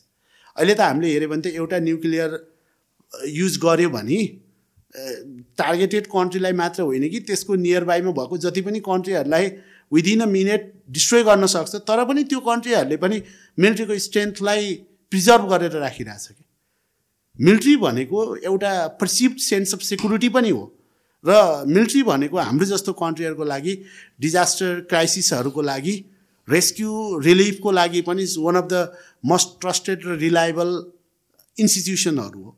त्यो कारणले गर्दा अलिकति अलि बियोन्ड गएर अलि ब्रोडर लेभलबाट यो कुराहरूलाई सोचेर हामीले मिलिट्रीलाई अकुपेसनल थिङ्किङबाट मात्र होइन कि इन्स्टिट्युसन एज सचकै आइडियाबाट कसरी अझ ग्रो गर्न सक्छ कसरी एडभान्स गर्न सक्छ र कसरी यसले हाम्रो नेसनल इन्ट्रेस्टलाई पर्स्यु गर्नको लागि इफेक्टिभ मोर इफेक्टिभ बन्न सक्छ। नेसनल र ग्लोबल इमेजहरू जस्तो अहिले हाम्रो नेपाल भनेर चिन्ने धेरै कम कुराहरू छ। एउटा त सगरमाथाको देश भनेर चिन्छ होला अर्को गौतम बुद्धको देश भनेर चिन्छ होला अर्को संसारभर नै ब्लु हेलमेट अर्थात् पिस किपिङमा कन्ट्रिब्युट गर्ने कन्ट्री भनेर चिन्छ। त्यो एउटा पहिचानलाई पनि प्रिजर्भ हुने खालबाट त्यो कुरामा सर्भ गर्ने व्यक्तिहरूको उनीहरूको जुन हामीले देखिराखेका छौँ उनीहरूको आत्मसम्मानमा पनि चोट नपुग्ने गरी यस्तो छलफलहरूलाई धेरै पिपुलहरूले कन्ज्युम गर्ने भन्दा पनि पोलिसी स्ट्राटेजिक लेभलबाट नै सल्भ गर्नुपर्छ जस्तो मलाई लाग्छ। ओके एकचोटि नेपालभन्दा बाहिर ब्रोडर वेमा एकचोटि हेरौँ होइन जस्तो कि अघि हामीले वाग्नर ग्रुपकै कुरा गऱ्यौँ ग्लोबल सेन्समै कुरा गर्दाखेरि प्राइभेट मिलिटरी अर्गनाइजेसन्स त्यो नेसेसिटी हो कि होइन अरू कन्ट्रिजको कुरामा कन्टेक्स्ट गर्दाखेरि या त्यो नेसेसिटी भन्दाखेरि पनि त्यो वर्क गर्छ कि गर्दैन? प्राइभेट मिलिट्री कम्पनीहरूले कस्तो भन्दाखेरि अहिले हामी सर्भिस आउटसोर्सिङ भन्छ नि। हो। हिजो हामीले के गर्थ्यौँ त भन्दाखेरि अफिसमा सरसफाइको कर्मचारी नै राख्थ्यौँ नि। तर अहिले अफिसमा हामी सरसफाइको कर्मचारीहरू के गर्छौँ त? आउटसोर्सिङ आउटसोर्सिङ गर्छौँ। कन्ट्रीहरूले पनि कस्ट बर्डेनहरू घटाउनको लागि टाइम आवश्यक पर्दाखेरि सेक्युरिटीहरू पनि रेन्टमा लिने ट्रेडिसनहरू अहिले हामीले एउटा ट्रेन्डहरू देख्न सक्छौँ। पछिल्लो समय वाग्नर लगायत अरू प्राइभेट कम्पनीहरूले पनि प्राइभेट मिलिट्री कम्पनी पिएमसिजहरूले सर्भिसहरू दिइरहेछ तर यस्तो सिचुएसन पनि हामी सोचौँ कि सबै टाइममा प्राइभेट मिलिट्री कम्पनीहरू एभाइलेबल हुन सक्छ या सक्दैन? जस्तो कि अहिले त हामीले युक्रेन रसियाको वारमा देखिरहेछ वाग्नर ग्रुपको कुरा। मानौँ यही कन्टेक्स्ट वर्ल्ड वारको टाइममा हुन्थ्यो भने प्राइभेट मिलिट्री कम्पनीहरूले कन्ट्रिब्युट गर्न सक्छ कि सक्दैन? प्राइभेट मिलिट्री कम्पनीहरू त्यही स्टेट जसले रेन्ट लिगिरहेछ सपोर्ट लिगिरहेछ त्यही स्टेटको सबरेन्टीको लागि थ्रेट हुन सक्छ कि सक्दैन? सेक्युरिटी भनेको सेक्युरिटी प्रोभाइड गर्ने कुरा भनेको स्टेटको सोल रेस्पोन्सिबिलिटी हो या प्राइभेट कम्पनीहरूले पनि यो कुरालाई अपरेट गर्न सक्छ भन्ने कुराहरूमा अलिकति क्ल्यारिटी र छलफलहरू गर्न जरुरत छ जस्तो लाग्छ। तर मेरो पर्सनल पोइन्ट अफ भ्यूबाट हेऱ्यो भने यिनीहरूले कहीँ न कहीँ प्रब्लमहरू क्रिएट गर्छ प्राइभेट मिलिट्री कम्पनीहरूले कहिलेकाहीँ सानो देशहरूको लागि त अहिले तपाईँले हेर्नुभयो भने एउटा टेक कम्पनी त स्टेटलाई रिक्समा पार्न सक्छ भने मिलिट्री कम्पनीले त रिक्समा लै नै हाल्छ नि। आज अहिले हामीले हेऱ्यो भने स्टेटको सबरिन्टी केमा छ भन्यो भने स्टेटको सबरिन्टी हामीले भन्दाखेरि त कन्स्टिट्युसनमा पढ्दाखेरि प्रत्येक स्टेटको सबरिन्टीको कुरा गर्छ। तर स्टेट के सार्वभौम स्टेटहरूको सबै कुराहरू उनीहरूकै कन्ट्रोलमा छ त? छैन नि त। अहिले पनि कति कुराहरू हाम्रो गुगलको कन्ट्रोलमा छ कति हाम्रो प्राइभेट कम्पनी टेक कम्पनीहरूको कन्ट्रोलमा छ। कुनै कुनै सानो कन्ट्रीहरूलाई पावरफुल कन्ट्रिजहरूले यसलाई कसरी ब्यालेन्स गर्छ? उनीहरूको स्ट्रेन्थमा डिपेन्ड गर्छ। तर विक कन्ट्रिजहरूको लागि र थर्ड वर्ल्ड कन्ट्रिजहरूको लागि प्राइभेट मिलिट्री कम्पनीहरू डबल एज सर्ड हुनसक्छ केही तत्कालीन समयको लागि केही बेनिफिसियल भए पनि यो कन्ट्रीकै सबरिन्टीको लागि पनि काउन्टर प्रोडक्टिभ बन्न सक्छ जस्तो मलाई लाग्छ। फुल अन फुल्ली डिपेन्डेन्ट नभए पनि एज एन एक्सटर्नल युनिट राख्नु पनि एउटा हिसाबले चाहिँ सिक्योरिटी लाइबिलिटी नै भयो। लाइबिलिटी हो तर त्यो रिलायबल लाइबिलिटी होइन जसरी तपाईँले मार्केटमा तपाईँ र म दुईजनाको लागि कसैले सर्भिस दिइरहेछ भने त्यो सर्भिस त तपाईँ र म मध्ये जसले हाई रेट एफोर्ड गर्न सक्छ उसैलाई नै दिन्छ नि। उसको लोयल्टी रहँदैन कि? उसको कन्ट्र्याक्ट गरेपछि प्रोफेसनलिजम रहला तर त्यो लोयल्टी रहँदैन। मलाई लाग्छ कि सेक्युरिटी भनेको लोयल्टीको पनि फिल्ड हो। सो एउटा कुरा चाहिँ जुन तपाईँले पनि त्यसको बारेमा लेख्नु भएको छ जुन पोस्ट कन्फ्लिक्ट माओइस्टहरू सर्टन नम्बर्समा चाहिँ नेपाल आर्मीमा चाहिँ इन्टिग्रेट गराइयो। हजुर। र त्यसमा नेपाल आर्मीबाट पनि इनिसियली एकदमै ठुलै रेजिस्टेन्स आएको थियो। त्यो कसरी टर्न आउट भयो? जस्तो हामीले हेऱ्यो भने टु थाउजन्ड सिक्समा कम्प्रिहेन्सिभ पिस एकर्ड भयो। र कम्प्रिहेन्सिभ पिस एकर्डसँगै अर्को दुईवटा मेजर कुराहरू छ जसले माओइस्ट आर्मी कम्ब्याटेन्सको इन्टिग्रेसनसँग लिङ्क्ड भएको। एउटा एग्रिमेन्ट थियो त्यो agreements on monitoring or monitoring and management of arms and armies भन्छ जसलाई आमा भन्थ्यो होइन सर्टमा भन्दाखेरि हामीले आमा भन्थ्यो। अर्को इन्टरिम कन्स्टिट्युसन। यो दुईवटा डकुमेन्टले कम्प्रिहेन्सिभ पिस एकर्डसँगै माओवादी सेनाका लडाकुहरूको इन्टिग्रेसन उनीहरूको समाजमा समायोजन पुनर्स्थापनको बारेमा केही कुराहरू थियो तर नेपालमा अधिकांश समय जस्तो टु थाउजन्ड सिक्समा कम्प्रिहेन्सिभ पिस एकर्ड भइसकेपछि संयुक्त राष्ट्र सङ्घीय मिसन नेपाल जसलाई हामीले सर्ट फर्ममा अन्मिन भन्छौँ। अन्मिनले पहिलो चरणको लडाकुहरूको दर्ताको काम र लडाकुहरूको प्रमाणीकरणको कामहरू गरिदिएको थियो। उन्नाइस हजार छ सय दुई माओवादी सेनाका लडाकुहरूलाई प्रमाणीकरण गर्ने काम अन्मिनले गरिदियो। तर संविधानको धारा एक सय छ्यालिस र सत्तालिसमा माओवादी सेनाका लडाकुहरूको रेखदेख समायोजन र पुनर्स्थापन सम्बन्धी विशेष समिति गठन गरिनेछ भनेर लेखाएको थियो। त्यो कन्स्टिट्युसनल क्रस पार्टी पे मेकानिजमको बारेमा गराएको थियो। तर दुई हजार छमा कम्प्रिहेन्सिभ पिस एकर्ड भइसकेपछि टु थाउजन्ड इलेभेनको नोभेम्बरसम्म पुग्दाखेरि के भयो त भन्दाखेरि केही कुरा पनि मटेरियलाइज भएन कि। मात्र के भयो अघि हजुरले भन्नुभयो नि रेसिस्टेन्स थियो भनेर। जस्तो फरक फरक जस्तो माओवादीहरू त्यति बेला के चाहन्थ्यो भन्दाखेरि जति सक्दो धेरै सङ्ख्यामा माओवादी सेनाका लडाकुहरूलाई नेपाल आर्मीमा समायोजन गर्न चाहन्थ्यो। अर्को पोलिटिकल पार्टिजहरू के चाहन्थे भन्दाखेरि माओवादी भन्ने पार्टीले बनाएको सेना भनेपछि पोलिटिकली इन्टक्सिनेटेड सेना हो।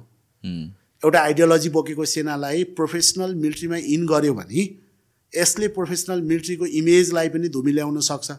र अर्को लोयल्टीको पनि कुरा आउँछ अर्को लोयल्टी पनि पार्टीप्रति नै लोयल हुनसक्छ भन्ने गरी फेरि कङ्ग्रेस एमाले लगायतको पोलिटिकल पार्टिजहरूले फेरि एज मच उनीहरूले त पोसिबिलिटी चाहिँ उनीहरूको इन्टिग्रेसन भनेको त एज लेस एज पोसिबल उनीहरूको स्ट्यान्ड थियो।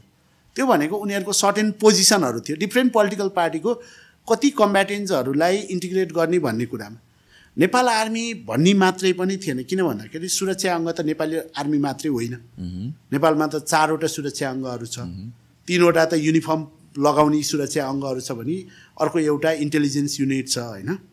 र फरक फरक प्रपोजलहरू डिस्कसनहरू भयो। त्यो कहिलेसम्म भयो त भन्दाखेरि दुई हजार सातदेखि दुई हजार एघारसम्म पुग्दासम्म यो छलफलहरू भइराख्यो। तर यसको ब्रेक थ्रु कसरी भयो भन्दाखेरि नोभेम्बर फर्स्ट टु थाउजन्ड इलेभेनमा एउटा एग्रिमेन्ट भएको छ। चारवटा राजनीतिक दलहरूको बिचमा सात बुधे सहमति भएको छ। त्यो सात बुधे सहमति हुँदाखेरि के कुरामा पोलिटिकल पार्टिजहरू एग्रिड गर्यो भन्दाखेरि माओवादी सेनाका लडाकुहरूमध्ये पैँसठी सयसम्म पैँसठी सय सङ्ख्यासम्म लडाकुहरू सेनामा समाहित हुनेछन् भनेर भन्थ्यो। तर त्यो के को आधारमा हुनेछन् भन्दाखेरि त्यो जुन समायोजनको लागि सर्टेन क्राइटेरिया तोकेको थियो त्यो क्राइटेरियालाई मिट गरेर म्याक्सिमम् सिक्सटी फाइभ हन्ड्रेड कम्ब्याटेन्सहरू नेपाली सेनामा समायोजन हुनको लागि एलिजिबल हुनेछन् भनेको थियो। त्यो सङ्ख्या तत्कालीन समयमा आउँदाखेरि माओवादी सेनाका माओवादी सेनाका लडाकुहरूको सङ्ख्या नै करिब करिब सत्र हजारमा लिमिट थियो सत्र हजार बाहन्न थियो होइन। अब तर त्यसको कन्टेक्स्ट अलिकति इन्ट्रेस्टिङ छ। त्यो कन्टेक्स्टमा अहिले हेर्दाखेरि धेरै सानो सङ्ख्यामा मात्रै इन्टिग्रेट भयो।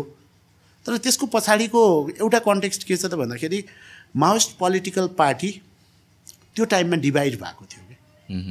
माओइस्ट पोलिटिकल पार्टी डिभाइड हुँदै गर्दाखेरि कम्ब्याटेन्सहरूमा पनि पार्टीको डिभिजनको क्लियर इम्प्याक्टहरू देखिया थियो। दुईवटा पार्टीभित्र दुईवटा ग्रुपहरू थियो।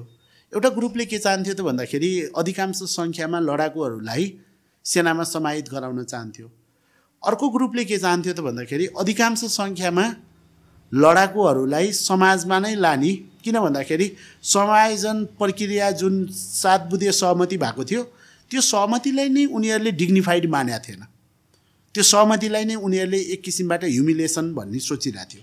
त्यो अवस्थामा माओवादीभित्र चरम अन्तर्विरोध देखियो। त्यो चरम अन्तर्विरोधको कारणले गर्दाखेरि पार्टी फ्र्याक्सन पनि भयो। त्यो फ्र्याक्सनले गर्दाखेरि पहिलो चरणमा लडाकुहरूलाई नेपाल सरकारको मातहतमा विशेष समितिले वर्गीकरण गर्ने क्रममा एउटा यस्तो स्ट्याटिस्टिक्स देखियो कि पहिलो चरणमा समायोजनमा जान चाहने लडाकुहरूको सङ्ख्या नौ हजार सात सय दुई थियो। त्यही समयमा शैक्षिक अवकाश रोजेका लडाकुहरूको सङ्ख्या छ हजार पाँच सय चौवालिस थियो र पुनर्स्थापना रोज्ने लडाकुहरूको सङ्ख्या छजना मात्रै थियो। अधिकांश मान्छेको त्यो बेलाभन्दा पहिले के थियो त भन्दाखेरि अधिकांश लडाकुहरूले पुनर्स्थापना रोज्न सक्छन् भन्ने थियो। तर पुनर्स्थापना रोजेन रोज्यो के त भन्दाखेरि शैक्षिक अवकाश रोज्यो। छ हजार पाँच सय चौवालिस लडाकुहरू थियो। तर नौ हजार सात सय दुई लडाकुहरूले समायोजन रोजिसकेपछि यसो हेरेर शिविरमा गएर हेर्दै गर्दाखेरि समायोजन रोजेका अधिकांश लडाकुहरूमा पनि अब हेऱ्यो भने कोही परिवारको दुईजना सदस्यहरू थियो कोही व्यक्तिहरू घाइते अपाङ्ग थियो होइन? र उनीहरू साँच्चीकै स्वेच्छाले समायोजनमा रा जानको लागि रोज्या हो या पार्टीभित्रकै आन्तरिक असरको कारणले गर्दाखेरि उनीहरू समायोजनको ब्लकमा देखिया हो भन्ने कुराहरू पहिचान गर्नको लागि पनि र उनीहरू स्वयंलाई पनि सहजीकरण गर्नको लागि विशेष समितिले के गरिदियो त भन्दाखेरि दोस्रो चरणमा फेरि स्वैच्छिक अवकाशमा जान चाहने र समायोजनमा जान चाहने लडाकुहरूलाई पुनर्वर्गीकरण गरे। अनि त्यो पुनर्वर्गीकरण गर्ने चरणमा लडाकुहरूको सङ्ख्या तिन हजार एक सय तेइसमा झऱ्यो समायोजनमा जाने। जबकि हाम्रो अप्पर सिलिङ पैँसठी सय मान्छेहरू लडाकुहरू समायोजन हुन सक्छ भन्ने थियो नि क्लज त्यो सङ्ख्या नै घटेर कतिमा आयो त? तिन हजार एक सय तेइसमा आयो। अनि तिन हजार एक सय तेइसजना व्यक्तिहरूले आर्मीमा इन्टिग्रेट हुनको लागि पुरा गर्नुपर्ने क्राइटेरियाहरू मिट गर्दै गर्दै जाँदाखेरि फाइनली चौध सय बाइसजना मान्छे मात्रै पूर्व जनमुक्ति सेनाका पूर्व जनमुक्ति सेना अर्थात् माओवादी सेनाका लडाकुहरू मात्रै नेपाली सेनामा समायोजन भएको छ। त्यो समायोजन पनि अफिसरको सङ्ख्या धेरै न्यून छ।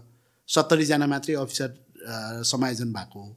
र तेह्र सय पचास जति तेह्र सय बाहन्न लडाकुहरू फेरि अन्य दर्जामा ऱ्याङ्क एन्ड फाइल्समा इन्टिग्रेट भएको। र आर्मीले यसमा मलाई लाग्छ कि एउटा प्रोफेसनल मिलिट्रीले बाहिर आर्टिकुलेट गरेको ओपिनियनहरू सेनाभित्र माओवादी सेलाई लडाकुहरूलाई समायोजन गर्नु हुँदैन भन्ने गरी पब्लिक ओपिनियन आर्मीले दिए जस्तो मलाई लाग्दैन होइन? किन भन्दाखेरि आर्मी त कन्स्टिट्युसनको मातहतमा भइसकेपछि आर्मी भनेको डिसिसन मेकिङ होइन। आर्मी डिसिसन मेकिङ के अर्थमा हो भन्दाखेरि आर्मीले प्रोफेसनल डिसिसन मेकिङ गर्न सक्छ तर पोलिटिकल डिसिजन मेकिङको एक्टर्स होइन कि? तर इन्टिग्रेसनको प्रोसेस भनेको पोलिटिकल डिसिसन मेकिङको थियो। त्यसले गर्दाखेरि आर्मीलाई यो विषयमा कन्सल्टेसन परामर्शहरू त गर्थ्यो। तर आर्मीले नै आर्मीको कारणले गर्दाखेरि नै डिसिसन गरेको कारणले गर्दा सेनामा लडाकुहरू कम गएको भन्ने कुरा फेरि होइन। र जति पनि पोलिटिकल लिडरहरूको बिचमा यो एग्रिमेन्ट भयो त्यही एग्रिमेन्टको आधारमा समायोजन भएको। र धेरै सङ्ख्यामा करिब करिब नाइन्टी पर्सेन्ट एक्स कम्ब्याटेन्ट्सहरू त सोसाइटीमै रिइन्टिग्रेट अर्थात् भोलिन्ट्री रिटायरमेन्ट रोजेर बाहिर आएको छ के भएको इस्यु ठिक छ अहिले? के भएको थियो ए ओके ओके सो अर्को कुरा चाहिँ यो कन्फ्लिक्टकै कुरा गर्दाखेरि something like this internal conflict फेरि फ्युचरमा आउन सकिन्छ या सकिँदैन? भन्ने कन्टेक्समा तपाईँलाई के लाग्छ? किनभने अगेन अघि coming back to recent I like general political टर्मोइलकै कुरा गर्दाखेरि जुन एउटा सेन्टिमेन्ट डेभलप भएर जान्छ मान्छेहरूप्रति एउटा हिसाबले हामीले दुर्गा प्रसाईको पनि केस देख्यौँ होइन? अब त्यो त्यत्रो ठुलो त केही भएन सिलाउँदै गयो। तर त्यसले के देखाइरहेको छ भनेपछि एउटा हिसाबले पिपल आर फ्रस्ट्रेटेड र फ्रस्ट्रेसनको कन्टेक्स्टमा त्यस्तो अरू इभेन्ट्सहरू पनि बिस्तारै बिस्तारै ब्रु हुन्छ कि हुँदैन भन्ने हिसाबले त्यो कन्टेक्स्टमा तपाईँलाई के लाग्छ विचार? जस्तो मलाई त हाम्रो कन्ट्री दुई तिनवटा कुराबाट हेर्नुपर्छ जस्तो लाग्छ। हामी बहुजातिक भन्छ बहुभाषिक भन्छ बहुसांस्कृतिक भन्छ होइन? हामीमा विविधता छ एकता पनि छ एकताभित्र विविधता पनि छ होइन? हामीले हेऱ्यो भने अहिले रिसेन्ट सिबिएसको रिपोर्टले पनि के भन्छ त भन्दाखेरि नेपालमा एक सय तिसभन्दा बढी जात जातिहरू छ भन्छ एक सय बयालिस जति भाषाहरू बोल्छ भन्छ होइन? अब एउटा सानो कन्ट्री अब यतिको कन्ट्रीमा यतिको विविधता भनेको निकै डाइभर्स किसिमकै विविध अब डाइभर्स नै हो होइन? त्यसले गर्दा द्वन्द्वको आँखाबाट हेऱ्यो भने हाम्रो कन्ट्री एउटा सलाइको बाकस जस्तै हो। सलाइको बाकस मैले किन त्यो यसको इक्जाम्पल युज गरेको भन्दा पकेटमा हालेर यसलाई घस्न नगरिकनै लिएर हिँड्यो भने लामो समयसम्म पनि यो आफैमा आगो नबल्न पनि सक्छ। तर कहीँ कतैबाट घस्रण भयो अर्थात् कहीँबाट यसको हामीले कोर्ने मात्रै प्रयासहरू गर्न थाल्यो भने फेरि यसको जो मान्छेले क्यारी गरिरहेछ त्यो मान्छे पनि जलेर समाप्त हुनसक्छ हाम्रो कन्ट्रीमा धेरै किसिमको विविधतामा मिलेर बस्नुपर्ने एउटा अवसर पनि छ चुनौती पनि छ होइन? अब धार्मिक हिसाबले हामी डाइभर्स छौँ जातीय पहिचानको हिसाबले हामी डाइभर्स छौँ भौगोलिक हिसाबले हामी डाइभर्स छौँ भाषिक हिसाबले डाइभर्स छौँ होइन? अब त्यसै माथि यी भनेका त हाम्रा विविधताहरू विविधताको व्यवस्थापन गर्न नसक्दा पनि अधिकांश कन्ट्रीहरूमा द्वन्द्वहरू देखिएको छ। त्यो अर्थमा पनि नेपालमा द्वन्द्व हुन सक्ने सम्भावनाहरू जुनसुकै बेला पनि छ भन्न मिल्छ। अर्को दोस्रो कुरा फेरि अघि हजुरले इन्डिकेट पनि गर्नुभयो अहिले पछिल्लो समय आम नागरिकहरूमा एउटा नैराश्यता बढिराखेको छ। त्यो नैराश्यता किन बढ्यो भन्दाखेरि किन पनि होला भन्दाखेरि हामीले पटक पटक छिटो छिटो परिवर्तनहरू खोजिरहेको हुन्छौँ र त्यो परिवर्तनहरूको नतिजा पनि हामी धेरै छिटो छिटो खोजिरहेको हुन्छौँ। मलाई लाग्छ इन्डियामा नाइन्टिन फोर्टी सेभेन पछि जति सङ्ख्यामा प्राइम मिनिस्टर र प्राइम मिनिस्टरहरू भयो नि गभर्मेन्टहरू बदलिएर हाम्रोमा नाइन्टिन नाइन्टी पछि त्योभन्दा धेरैजना व्यक्तिहरू प्राइम मिनिस्टर भयो जस्तो लाग्छ। नाइन्टिन फोर्टी सेभेनमा इन्डिया इन्डिपेन्डेन्स भएपछि जतिजना मान्छे त्यहाँ प्राइम मिनिस्टर भयो त्योभन्दा बेसी त हाम्रोमा नाइन्टिन नाइन्टी पछि नै भइसक्यो होला। भनेको मुस्किलले हाम्रोमा एउटा क्यालेन्डर गुजार्नु पनि as a head of the government as a prime मिनिस्टरको रूपमा एउटा क्यालेन्डर पार गर्नु पनि ठुलो चुनौतीको विषयको रूपमा देखिन्छ।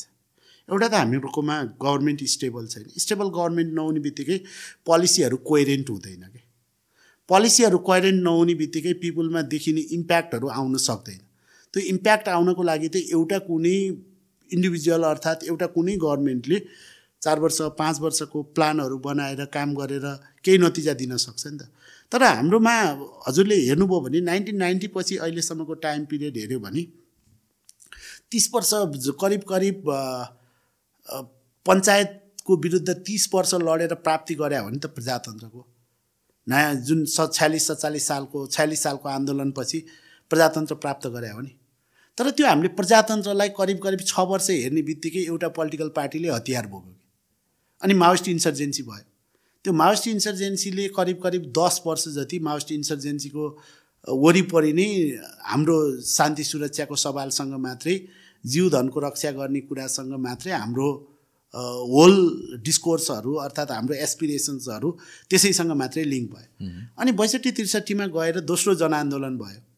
दोस्रो जनआन्दोलन हुने बित्तिकै हामी यसलाई एकदमै ठुलो एचिभमेन्ट हो भन्ने गरी पर्सिभ गऱ्यौँ। त्यो एचिभमेन्टहरू कस्तो भइदियो त भन्दा पोलिटिकल लेभलबाट सोच्यो भने त दुई सय चालिस वर्षको राज संस्थाको इतिहासलाई अन्त्य गर्यो कन्ट्रीलाई युनिटरी सिस्टममा भएको कन्ट्रीलाई फेडरल डेमोक्रेटिक रिपब्लिक कन्ट्रीमा कन्भर्ट गर्यो। तर यी सबै कुराहरू यी अमूर्त शब्दहरू पोलिटिकली एचिभमेन्टहरू अर्को एउटा व्यक्ति जो मान्छे हिजो जुलुसमा लागेर फेडरल डेमोक्रेटिक रिपब्लिक ल्यायो नि त त्यो व्यक्तिको जीवनमा यसले छोयो कि छोएन त? शब्द त आयो कन्स्टिट्युसनमा तर त्यसको व्यक्तिको जीवनमा उसले लाभांश अनुभूत गर्न मिल्ने खालको पोलिसीको इम्प्लिमेन्टेसन भयो कि भएन भन्ने कुरा महत्त्वपूर्ण हुन्छ।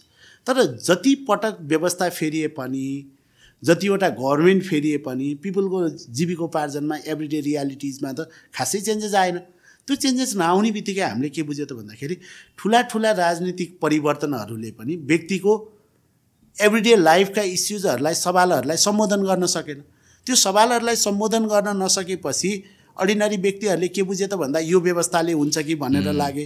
यो व्यक्ति सरकारमा गयो भने हुन्छ कि भनेर लागे। यो पोलिटिकल पार्टीले रुल गर्यो भने हुन्छ कि भनेर आए। तर यी सबै कुराले पनि उनीहरूको व्यक्तिगत जीवनमा त परिवर्तन ल्याएन नि। जीवनमा परिवर्तन नल्याउने बित्तिकै के भयो त भन्दाखेरि ठुलो नैराश्यताहरू देखिएको छ। यस्तो नैराश्यता भएको ठाउँमा जहिले पनि कन्फ्लिक्टको लागि के हुन्छ भन्दाखेरि दुई किसिमको हामीले हेर्न सक्छौँ। अलिकति कल्चर र ह्युमनको इङ्गेजमेन्ट वारफेयरमा हेऱ्यो भने त्यसको स्टडी गर्छ एन्थ्रोपोलोजी अफ वार भन्ने कुरामा। हामीले frustration aggression frustration lead to aggression भन्छ। जब हामी फ्रस्ट्रेटेड हुन थाल्छौँ नि त्यो एग्रेसनमा जान सक्छ भन्छ। त्यो एग्रेसनमा गएर एग्रेसनमा भएको मान्छेलाई राइट एजेन्सी भेट्यो भने त्यो एजेन्सीले के गर्न सक्छ त भन्दाखेरि it can be converted into the war कन्फ्लिक्टमा convert हुनसक्छ कि। तपाईँ एकदमै उत्तेजनामा भएको व्यक्तिहरू नैराश्यताबाट उत्तेजनामा पुगेको व्यक्तिहरूलाई कसैले मुभ गराइदिने बित्तिकै के हुनसक्छ त भन्दाखेरि कन्ट्रीमा एउटा क्यावस सिचुएसनहरू सिर्जना हुनसक्छ अर्को एउटा व्यक्तिहरू फेरि फ्रस्ट्रेसनमा हुन्छ तर उसले प्रब्लमहरूलाई खालि मेरै कारणले मात्रै भएको हो भन्ने सोध्छ कि। अनि त्यो मान्छे फेरि कतातिर जान्छ त भन्दाखेरि डिप्रेसनतर्फ जान्छ। डिप्रेसनमा जाने व्यक्तिले सेल्फ हार्म गर्छ एग्रेसनमा जाने व्यक्तिले अर्कोलाई हार्म गर्न थाल्छ कि।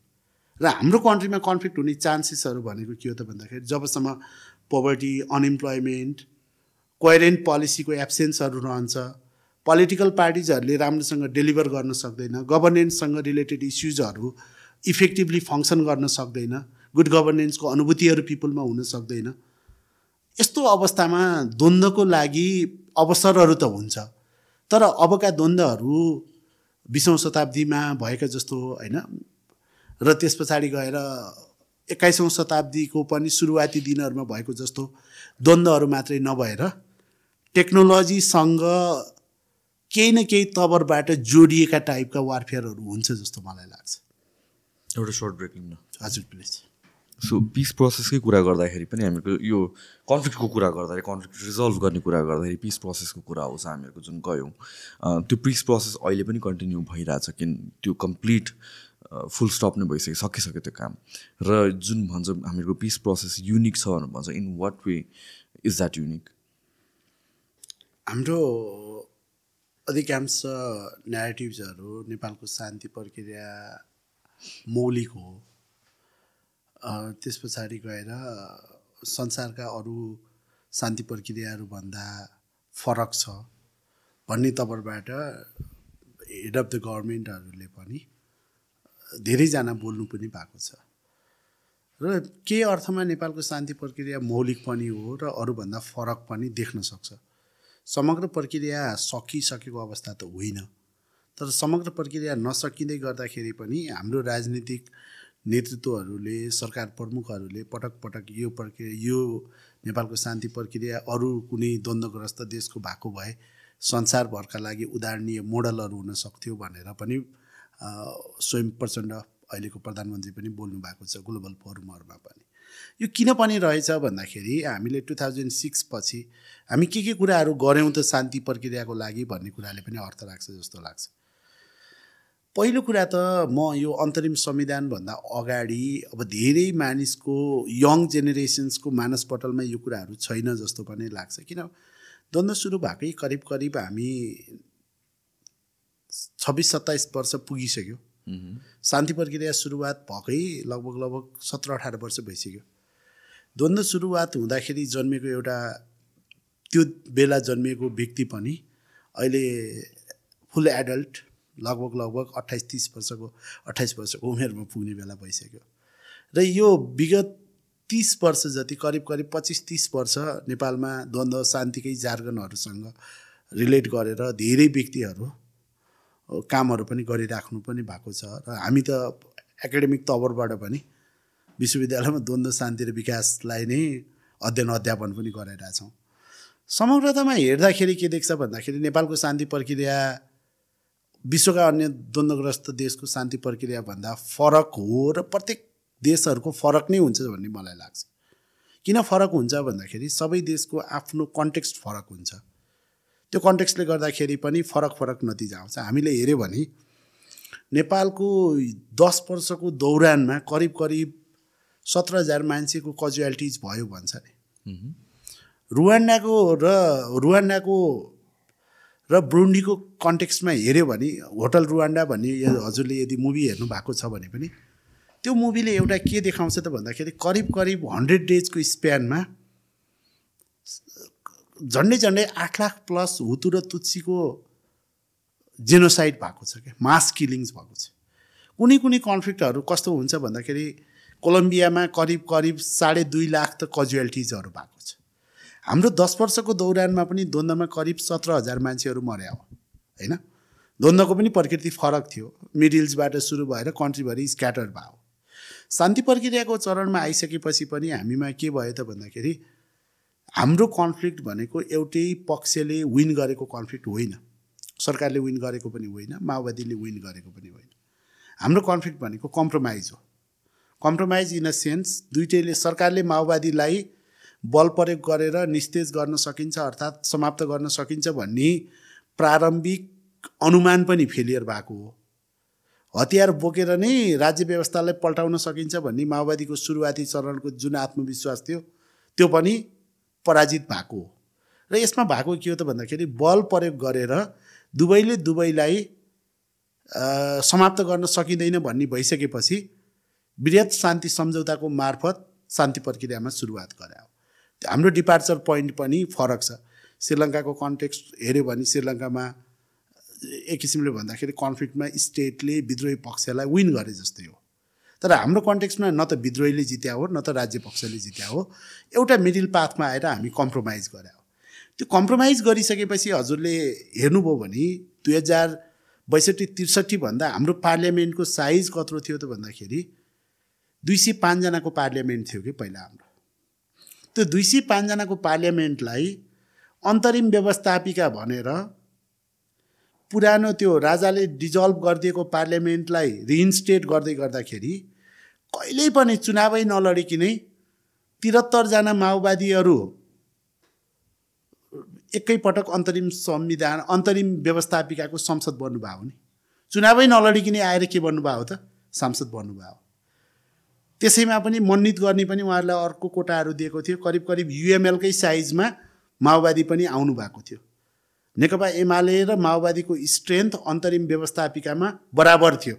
कहिल्यै चुनाव नलडेको व्यक्तिहरू आएर व्यवस्थापिका संसदमा इन्ट्री गरेर अन्तरिम संविधान लेख्या हो त्यही अन्तरिम संविधानको आधारमा हाम्रो सन् दुई हजार आठ अर्थात् चौसठी सालको पहिलो संविधान सभाको निर्वाचन भयो। त्यो संविधान सभाको निर्वाचनबाट युद्धमा संलग्न भएको विद्रोही पक्ष सबैभन्दा लार्जेस्ट पोलिटिकल फोर्स भएर आयो। माओवादी लार्जेस्ट पोलिटिकल पार्टी भयो। अनि संविधान सभाले दुई वर्षभित्र संविधान डेलिभर गर्छ भन्ने कुरा थियो। त्यो संविधान डेलिभर गर्छ भन्ने कुरा अर्को दुई वर्षको समयावधि थप्दा पनि संविधान सभाले संविधान डेलिभर गर्न नसकेपछि फर्स्ट कन्स्टिट्युन्ट एसेम्ब्ली डिजल्भ भयो।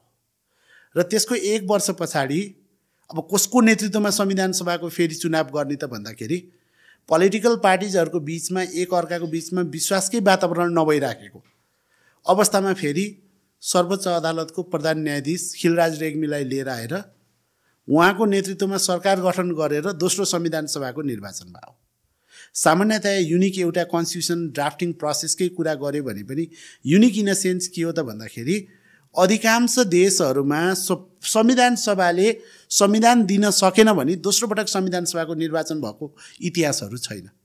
र नेपालमा के भयो त भन्दाखेरि संविधान सभाले संविधान डेलिभर गर्ने भनेको समयावधिलाई डबल गरेर पनि संविधान डेलिभरै नगरिकनै त्यो संविधान सभा कोल्याप्स भएर अर्को चुनाव गरेर त्यो संविधान सभाले संविधान दिएको अर्थबाट पनि एक अर्थमा हामीले हाम्रो कन्स्टिट्युसन बिल्डिङको प्रोसेसलाई पनि युनिक मान्नु सक्छ।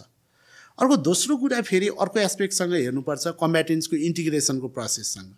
कम्ब्याटेन्सको इन्टिग्रेसनको प्रोसेसमा अधिकांश द्वन्द्वग्रस्त देशहरूमा संयुक्त राष्ट्र सङ्घले के गर्छ त भन्दाखेरि पूर्व लडाकुहरूको व्यवस्थापन गर्ने क्रममा दुईवटा स्थापित मापदण्डहरू चाहिँ एउटा डिसार्मेन्ट डिमोबिलाइजेसन र रिइन्टिग्रेसन भन्छ। अर्को इस्ट्याब्लिस सेक्युरिटी फोर्सहरूलाई मोर अकाउन्टेबल डेमोक्रेटिक बनाउनको लागि फेरि सेक्युरिटी सेक्टर रिफर्मको कुराहरू गर्छ। त्यो डिडिआर र एसएसआरको स्ट्यान्डर्ड्समा रहेर उनीहरूले पोस्ट कन्फ्लिक्ट पिस बिल्डिङमा कामहरू गरिरहेको हुन्छ। नेपालको सन्दर्भमा हामीले के गर्यौँ त भन्दाखेरि neither we follow the DDR nor SSR globally establish जुन फ्रेमवर्क डिडिआर र एसएसआरको फ्रेमवर्क भन्दा पनि हामी बाहिर गएर के गर्यौँ त भन्दाखेरि सुपरभिजन इन्टिग्रेसन र रिहेबिलिटेसन मात्रै गऱ्यौँ। र पछि इन्टिग्रेट गर्ने बेलामा पनि हामीले एक किसिमको फरक मापदण्डहरू जस्तो संसारमा जहिले पनि अधिकांश देशहरूले के गरिराखेको हुन्छ भन्दाखेरि एक्टिभ सोल्जर्सहरू जसलाई रिइन्ट पछि वार पछि सोसाइटीमा रिइन्टिग्रेट गर्दै गर्दाखेरि उनीहरूलाई क्यास दिनु भनेको अर्को कन्फ्लिक्टहरू इन्भाइट गर्नु हो भन्ने पनि बुझ्छ कि। कम्ब्याटेन्सको क्याससँगको रिलेसन काउन्टर प्रोडक्टिभ हुन्छ भन्ने छ सोसाइटीको लागि। तर हामीले के गर्यो त भन्दाखेरि नेपाल गभर्मेन्टको ट्रेजरीबाट प्रत्येक कम्ब्याटेन्ट्सहरूलाई ऱ्याङ्कको आधारमा स्वैच्छिक अवकाश रोज्ने लडाकुहरूलाई पाँचदेखि आठ लाखसम्म पैसा दिएर पठायो। तर त्यसको कन्सिक्वेन्सेस पनि नराम्रो आएन होइन? त्यो भलुन्ट्री रिटायरमेन्टको प्रोसेसमा नाइन्टी पर्सेन्ट प्लस कम्ब्याटेन्ट्सहरू भलुन्ट्री रिटायरमेन्टको प्रोसेसबाट गएर समाजमा स्थापित भयो कि? त्यो कुरा पनि हाम्रो पोइन्ट अफ भ्यूबाट हेऱ्यो भने युनिक नै हो। र अधिकांश कुरा के छ त भन्दाखेरि हाम्रोमा द्वन्द्वग्रस्त देशहरूको अधिकांश कन्ट्रीहरूमा हामीले हेऱ्यो भने के हुन्छ त भन्दाखेरि एक्ट्रेसहरूको बिचमा डायलग हुने नै सम्भावना रहँदैन कि। हाम्रोमा एक्टर्स एक्ट्रेसहरू मिलेर नै नेगोसिएसनहरू क्रिएट गरिरहेछ। हाम्रो वृहत शान्ति सम्झौता भनौँ हाम्रो सात बुधे सहमति भनौँ होइन? त्यस पछाडि गएर शान्ति प्रक्रियासँग जोडिएका अरू पनि सम्झौताहरू सहमतिका कुराहरू भनौँ। एक्टर्सहरूको बिचमा युएन र अन्य निकायहरूको एउटा विटनेसभन्दा बाहेक पनि पोलिटिकल एक्टर्सहरू आफै इङ्गेज भएर पनि एमिकेबल सोल्युसन्सहरू जेनेरेट गरिरहेछ। यस अर्थमा पनि नेपालको शान्ति प्रक्रिया युनिक भन्नु मिल्छ जस्तो लाग्छ। तर एउटा पक्ष हाम्रो शान्ति प्रक्रियाका केही उज्याला पक्षहरू भए यिनीहरू केही डार्क साइड पनि छ। जस्तो नाइन्टिन नाइन्टी सिक्सबाट वार स्टार्ट भएर टु थाउजन्ड सिक्समा पुग्दै गर्दा कम्प्रिहेन्सिभ पिस एकर्डले धेरै कामहरू गर्ने भनेर डकुमेन्ट गरेको थियो। त्यो डकुमेन्ट गरेका मध्ये केही केही कामहरू अहिले पनि हुन सकेका छन्? जस्तो कि एउटा सङ्क्रमणकालीन न्यायको सवाल छ। सङ्क्रमणकालीन न्याय भनेको के त भन्दाखेरि द्वन्द्वको समयमा भएका जति पनि मानवाधिकार हननका घटनाहरू ज्यादतीका घटनाहरू हत्याका घटनाहरू विस्थापित भएका घटनाहरू बेपत्ता भएका घटनाहरू र त्यसका पीडितहरूले त्यसको सत्य तथ्य जान्न पाउने कुराहरू होइन? ट्रुथ सिकिङ भन्छ। त्यस पछाडि गएर उनीहरूले जस्टिसको कुरा भन्छ न्याय भन्छ रिपेरेसन भन्छ परिपूरण भन्छ र नन अक ग्यारेन्टी अफ नन अकरेन्स भनेको फ्युचरमा अब यस्तो कुराहरू फेरि नहोस् भन्ने कुराहरू सङ्क्रमणकालीन न्यायमा कुरा गरिन्छ। तर यदि युद्धको समयमा कोही व्यक्ति नाइन्टिन नाइन्टी सिक्सदेखि टु थाउजन्ड सिक्सको दौरानमा बेपत्ता भएको व्यक्तिले पनि आजसम्म न्यायको लागि पछाडि लागिराखेको छ है? अब एउटा कुरा सङ्क्रमणकालीन न्यायको पोइन्ट अफ भ्यूबाट हेऱ्यो भने विस्थापितहरूको सवालहरू त्यत्तिकै छ घाइते अपाङ्गहरूको सवालहरू त्यत्तिकै छ त्यस पछाडि गएर बेपत्ता नागरिकहरूको सवालहरू त्यत्तिकै छ शहीद परिवारको सवालहरू त्यस्तै छ। राज्य पक्षको तर्फबाट लडेर सेनामा प्रहरीमा जागिर खाएर माओवादीको डर त्रासको कारणले गर्दा तत्कालीन समयमा जागिर छोडेको व्यक्तिहरूको इस्युहरू पनि त्यत्तिकै छ। यी घटनाहरू जुन सङ्क्रमणकालीन रेगुलर क्रिमिनल जस्टिसको प्रोसिडियरबाट होइन कि ट्रान्जिसनल जस्टिसको प्रोसिडियरबाट सल्भ गर्नुपर्ने शान्ति प्रक्रियाका अधिकांश कुराहरू फेरि एज इट इज रहेको छ। यसले धेरै गियर अप गरेको छैन।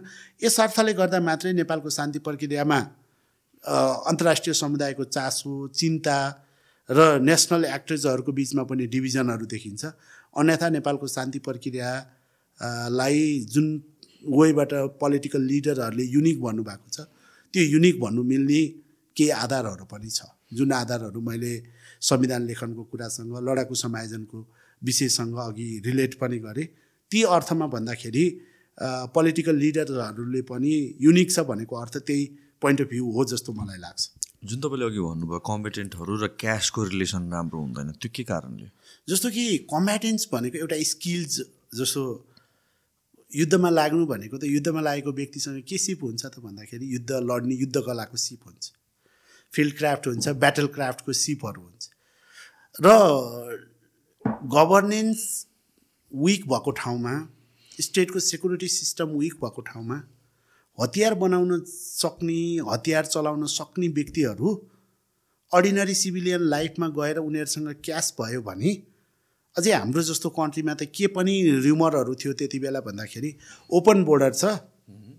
हतियार चलाउन जानेको मान्छेको हातमा पैसा पऱ्यो भने यिनीहरू जहाँबाट पनि हतियार लिएर आएर समाजमा असुरक्षाहरू बढाउन सक्छ भन्ने टाइपको पनि न्यारेटिभ्सहरू सुन्न सक्थ्यो। तर त्यस्तो कुराहरू केही पनि भएन कन्ट्रीमा। त्यो अधिकांश डोनरहरू पनि हेजिटेन्ट थियो। पहिले इन्टरनेसनल कम्युनिटीकोले कम्ब्याटेन्सको इन्टिग्रेसन रिइन्टिग्रेसन प्रोसेसमा हामी सपोर्ट गर्छौँ भनेको थियो। तर फाइनली जब भोलुन्ट्री रिटायरमेन्ट प्रत्येक लडाकुलाई पाँचदेखि आठ लाख रुपियाँ दिने सहमति भयो गभर्मेन्टको त्यस पछाडि कोही पनि डोनर एजेन्सीले त्यो कुरामा अगाडि बढ्दै बढेन। उनीहरूले के गरे त भन्दाखेरि क्यास दिने कुरासँग हामी केही पनि सपोर्ट गर्न सक्दैनौँ भन्यो। अनि हामी हाम्रै ट्याक्स पेयरको पैसाबाट नेसनल ट्रेजरीबाट कम्ब्याटेन्सलाई पाँचदेखि आठ लाख रुपियाँ प्रत्येक लडाकुहरूलाई दिएर जो जो व्यक्तिहरू स्वैच्छिक अवकाशमा जानुभयो उनीहरूको दर्जाको आधारमा त्यो पैसाहरू दिएर समाजमा पुनरेकीकरण गर्ने कामहरू गरे। सो अर्को कुरा चाहिँ अहिलेको जुन जियो पोलिटिकल अनरेस्ट देखिरहेको छौँ पहिला युक्रेन रसिया देख्यौँ अहिले इजरायल प्यालेस्टाइन देख्यौँ अर्को रिजनल कन्फ्लिक्टमा टर्न टर्न होला जस्तो पनि देखिरहेको छ। र देयर इज अलवेज टेन्सन युएसको चाइनाको इन्डियाको भनौँ भनौँ हामी ठ्याक्क बिचमा छौँ। हाम्रो सिक्युरिटी कतिको कन्सर्न हो? या भन्छ त्यो कन्सर्न हुनु नपर्ने कुरा हो? Can we do something about it कि जस्तो छ त्यसरी नै डिप्लोमेसीले नै अगाडि बढाउने हो। अब हामी पहिले त हामीले हाम्रो कन्ट्रीको हजुरले राइटली पोइन्ट आउट गर्यो जस्तो वर्ल्डमा भएको जुनसुकै कन्फ्लिक्टको पनि डिरेक्ट इन्डिरेक्ट इम्प्याक्ट अहिले हामीलाई पर्छ। हामीलाई किन पनि पर्छ भन्दाखेरि हामी यस्तो भूगोलमा छौँ र हाम्रो न्याइभर्सहरू यति पावरफुल छ वर्ल्डको लागि भिजिबल एक्टर्सहरू छ। हामी पनि एउटा भिजिबल एक्टर छौँ अब टिटिएफ वेस्टफेलियाले के भन्छ त भन्दाखेरि एभ्री सोभरिन स्टेट्सको इक्वेल राइट्स हुन्छ युएनको पनि त्यही हो नि चार्टरले त त्यही भन्छ। एभ्री मेम्बर स्टेट्सको इक्वेल हुन्छ तर त्यसैभित्र पनि कन्ट्रीको इकोनोमीले मिलिट्री पावरले होइन पपुलेसनले नेचुरल रिसोर्सेसले धेरै कुराले गर्दाखेरि कन्ट्रीको हामी सबै समान हौँ भन्दै गर्दाखेरि पनि समानताभित्र असमानताहरू देखाउने पनि अरू आधारहरू छ। अहिले हामीलाई महत्त्वपूर्ण कुरा हजुरले इन्डिकेट गरेको कुराबाट मलाई के लाग्छ त भन्दाखेरि वर्ल्डमा दुई किसिमको ट्रेन्डहरू छ नाइन्टिन फोर्टी फाइभदेखि अहिलेसम्म आउँदै गर्दाखेरि वर्ल्ड युनिपोलर जस्तै थियो। जस्तो नाइन्टिन एटी नाइन पछि त वर्ल्ड युनिपोलर नै थियो। नाइन्टिन फोर्टी फाइभदेखि नाइन्टिन एटी नाइनसम्म आउँदाखेरि वर्ल्डको जति पनि टेन्सन्सहरू युएस र रसियासँग थियो रिलेट गर्न मिल्थ्यो। किन भन्दाखेरि युएस र रसियाले मात्रै एकअर्कालाई थ्रेटहरू क्रिएट गर्थ्यो।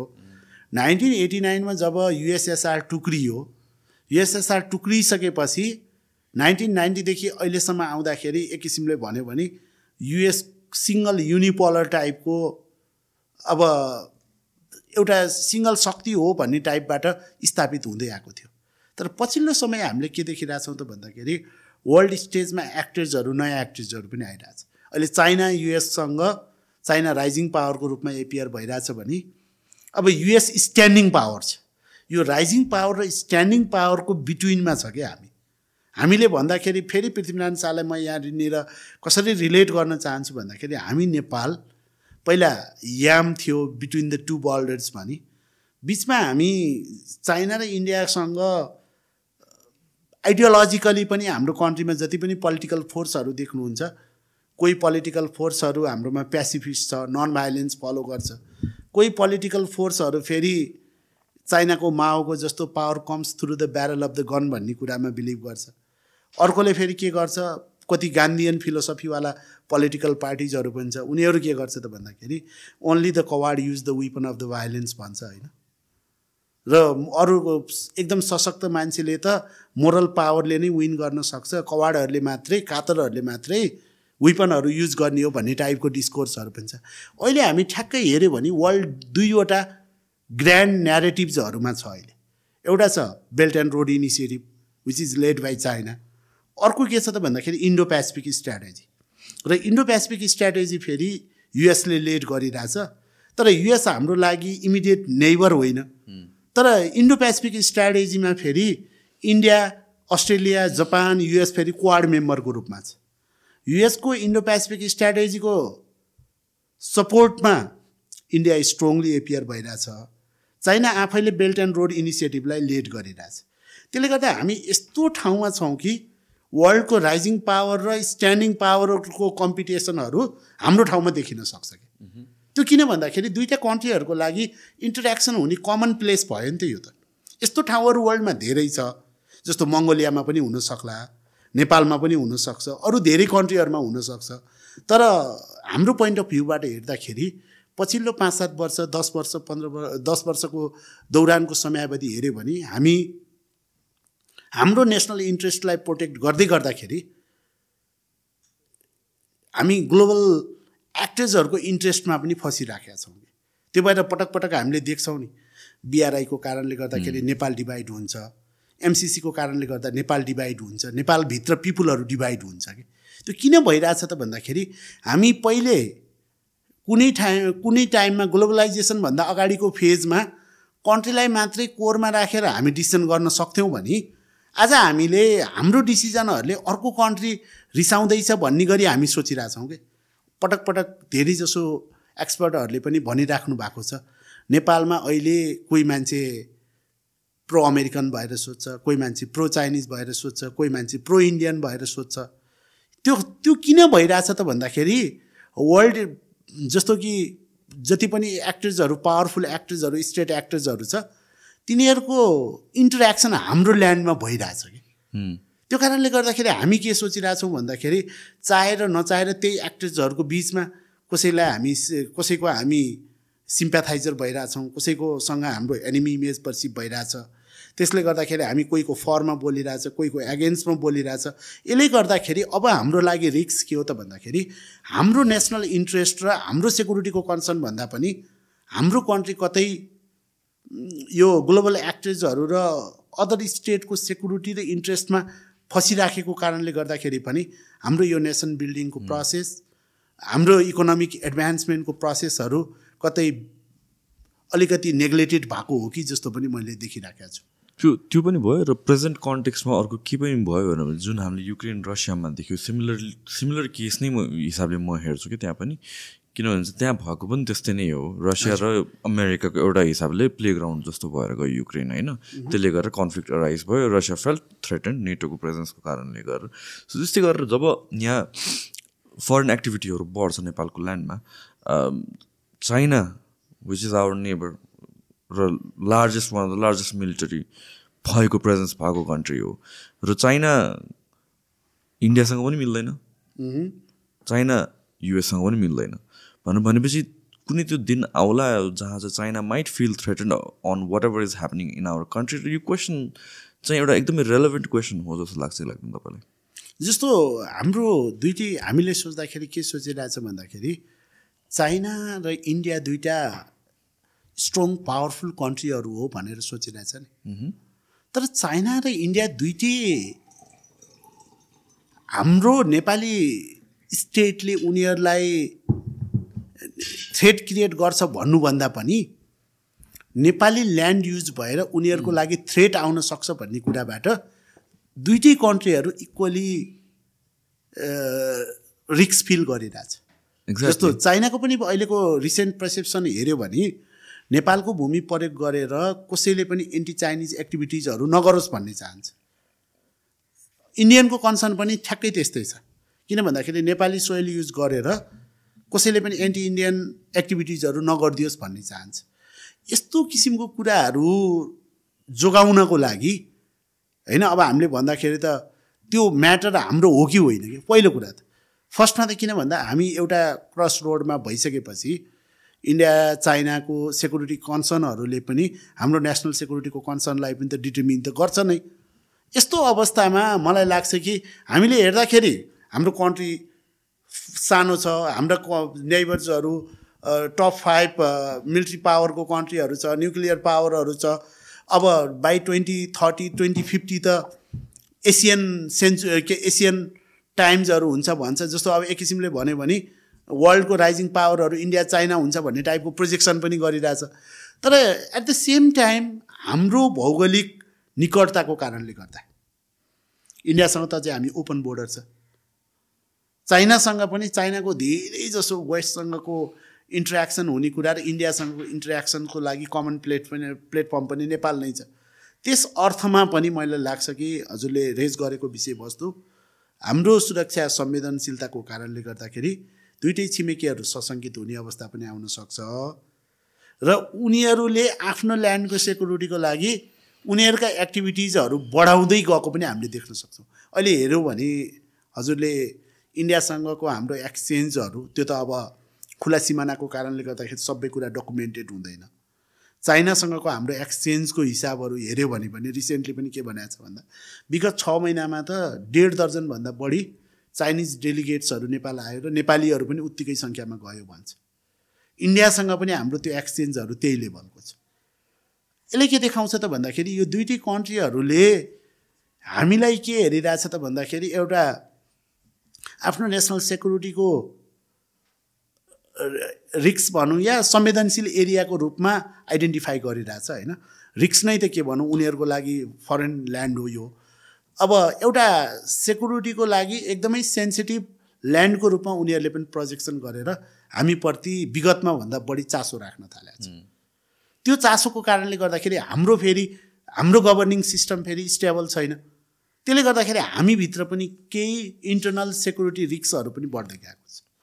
पार्टीहरूको बिचमा पोलराइजेसन हुन्छ। किन भन्दाखेरि डिफ्रेन्ट एक्टर्स स्टेट एक्टर्सहरूले डिफ्रेन्टलाई डिफ्रेन्ट एक्टर्सहरूलाई यहाँ के गरिरहेछ त भन्दाखेरि अलिकति नजिक र टाढाको दूरीमा राख्ने प्रयासहरू गर्छ कि?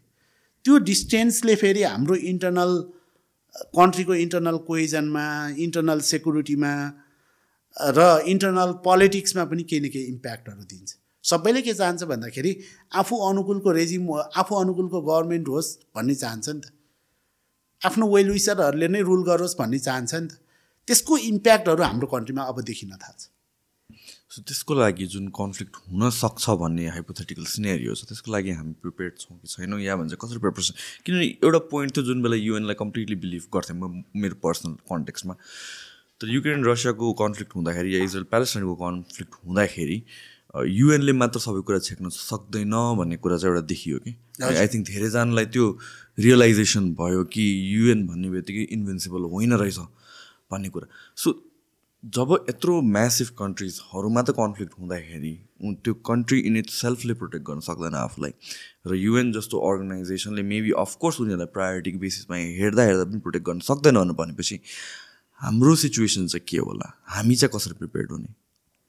यस्तो हो अब यो एकदमै अहिले नै अतालिनु पर्ने डराउनु पर्ने कुराहरू त होइन।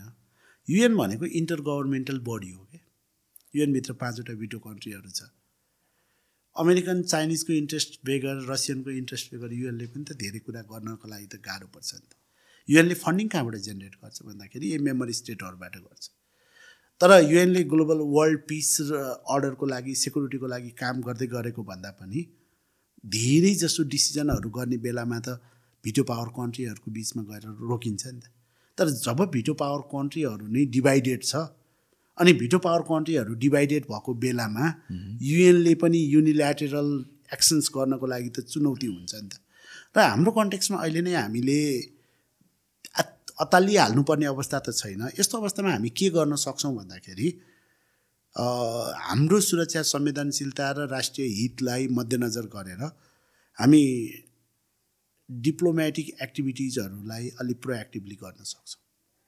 हामी जहिले पनि कस्तो भन्दाखेरि आफूले एक्सन नगरेर रियाक्सनहरू मात्रै गर्ने संस्कृतिबाट हुर्किरहेछौँ क्या हाम्रोमा धेरै जसो एक्सन्सहरू भन्दा पनि रियाक्सनहरू बेसी हुन्छ नि त।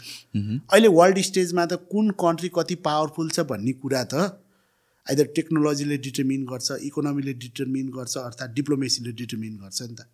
हाम्रो कन्ट्रीको मिलिट्री स्ट्रेन्थ कन्ट्रीको जियोग्राफीको साइज पपुलेसनको साइज भन्दा पनि डिप्लोमेटिक साइज त एक्सप्यान्ड गर्न सक्छ नि हामीले।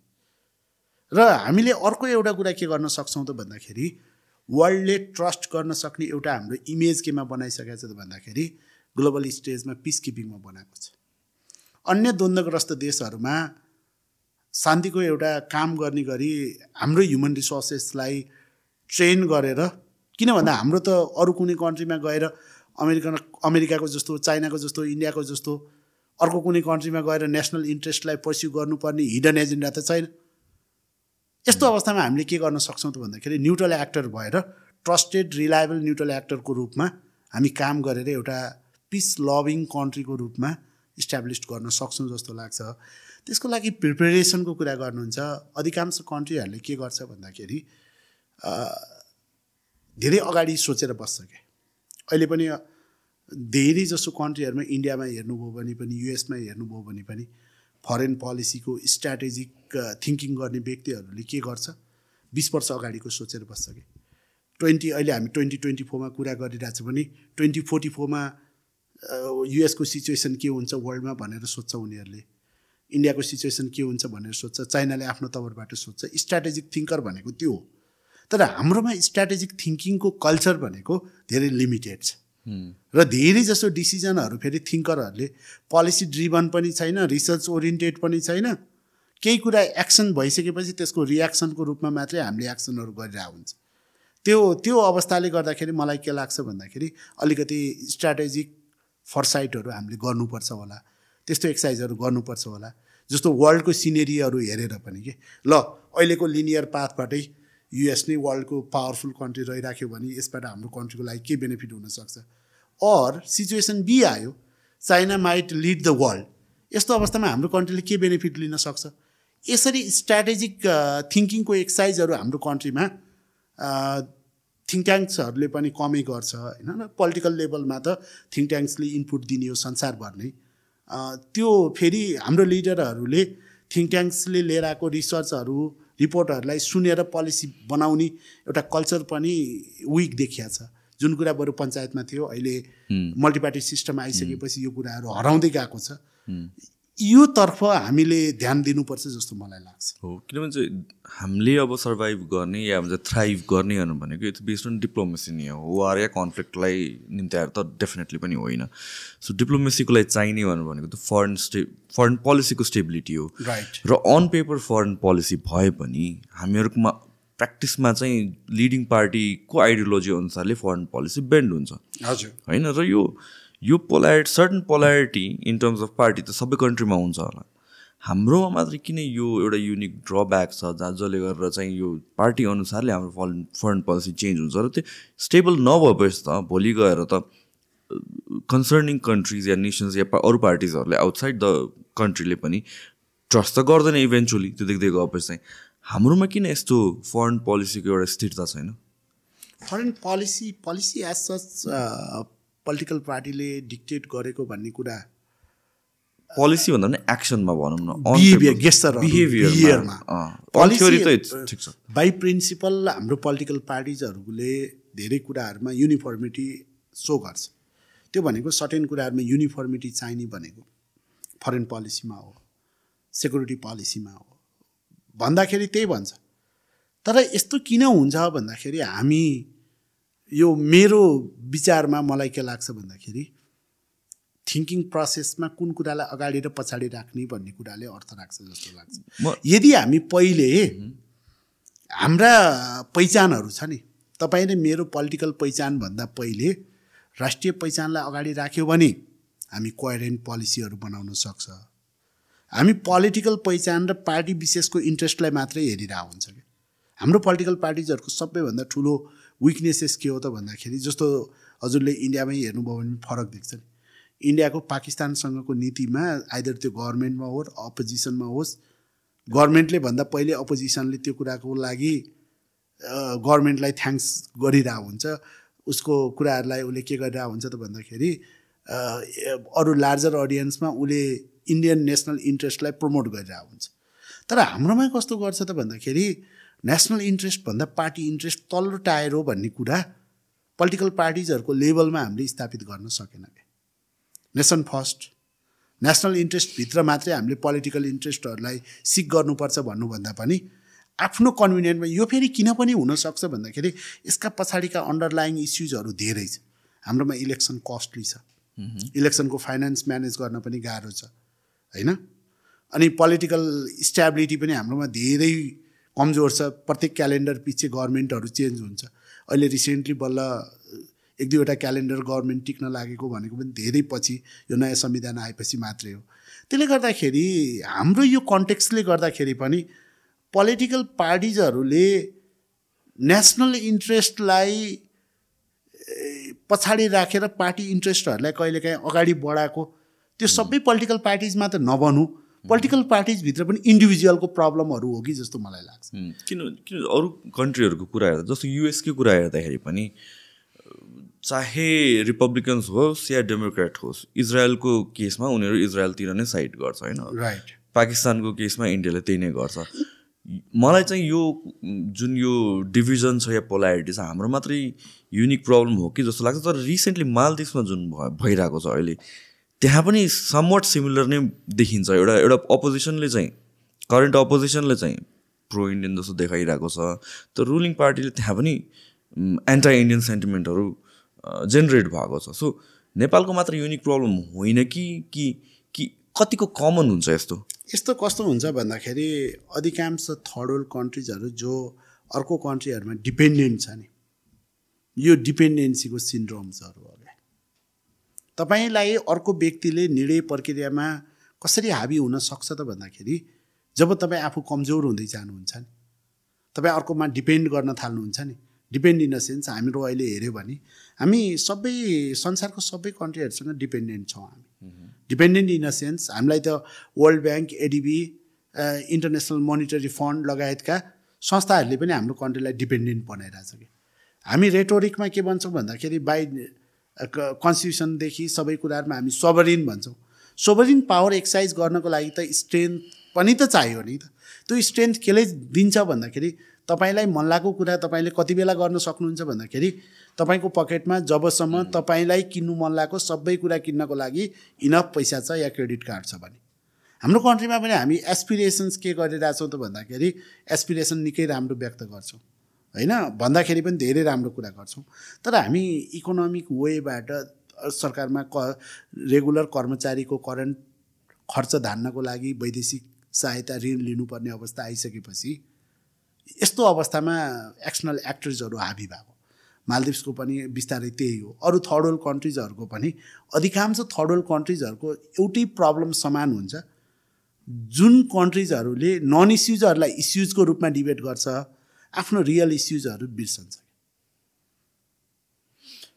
so I coming back to नेपालको आर्मीको कुरा गर्दाखेरि एउटा बेला बेलामा आरोप आइराख्ने कुरा के हो भनेपछि आर्मीले बिजनेस गर्न थाल्यो कन्स्ट्रक्सन गर्न थाल्यो अरू प्रोजेक्टहरू लिन थाल्यो र आर्मी प्रफिट ओरिएन्टेड हुन थाल्यो भन्ने काइन्ड अफ एलिगेसन्सहरू बेला बेलामा आउँछ। नाउ यसलाई चाहिँ कसरी हेर्ने? आर्मीले प्रोजेक्ट्सहरू कसरी लिन्छ किन लिन्छ र त्यो जरुरत छ कि छैन भने अब यसमा पनि मैले अघि पनि हामी केही कुराहरू त गऱ्यो होइन? तर मलाई के लाग्छ भन्दा मेरो आफ्नो नलेजमा मैले जानेको कुरा सेक्युरिटीको मैले पनि केही कुराहरू चासो राख्छु होइन? त्यो चासो राख्दै गर्दाखेरि विभिन्न सुरक्षा निकायहरूसँग सम्बन्धित कुराहरू अध्ययन अनुसन्धान पनि हुन्छ अनि छलफलहरूमा पनि सहभागी हुन्छ।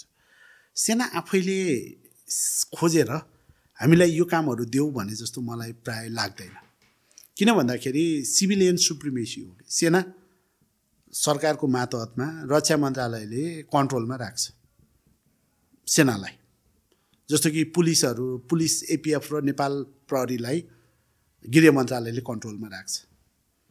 तर सेनाले आफैले गरेको जस्तो कि सेनाका धेरै जसो कामहरूमा फास्ट ट्र्याकलाई लिएर धेरै मान्छेहरूले यो कुराहरू गरे।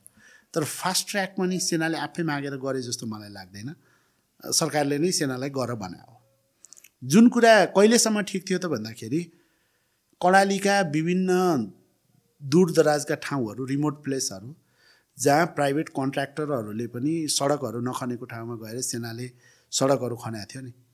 त्यो कामहरू गरेको आधारमा सेनालाई फास्ट ट्र्याकको पनि कामहरू सरकारले दियो।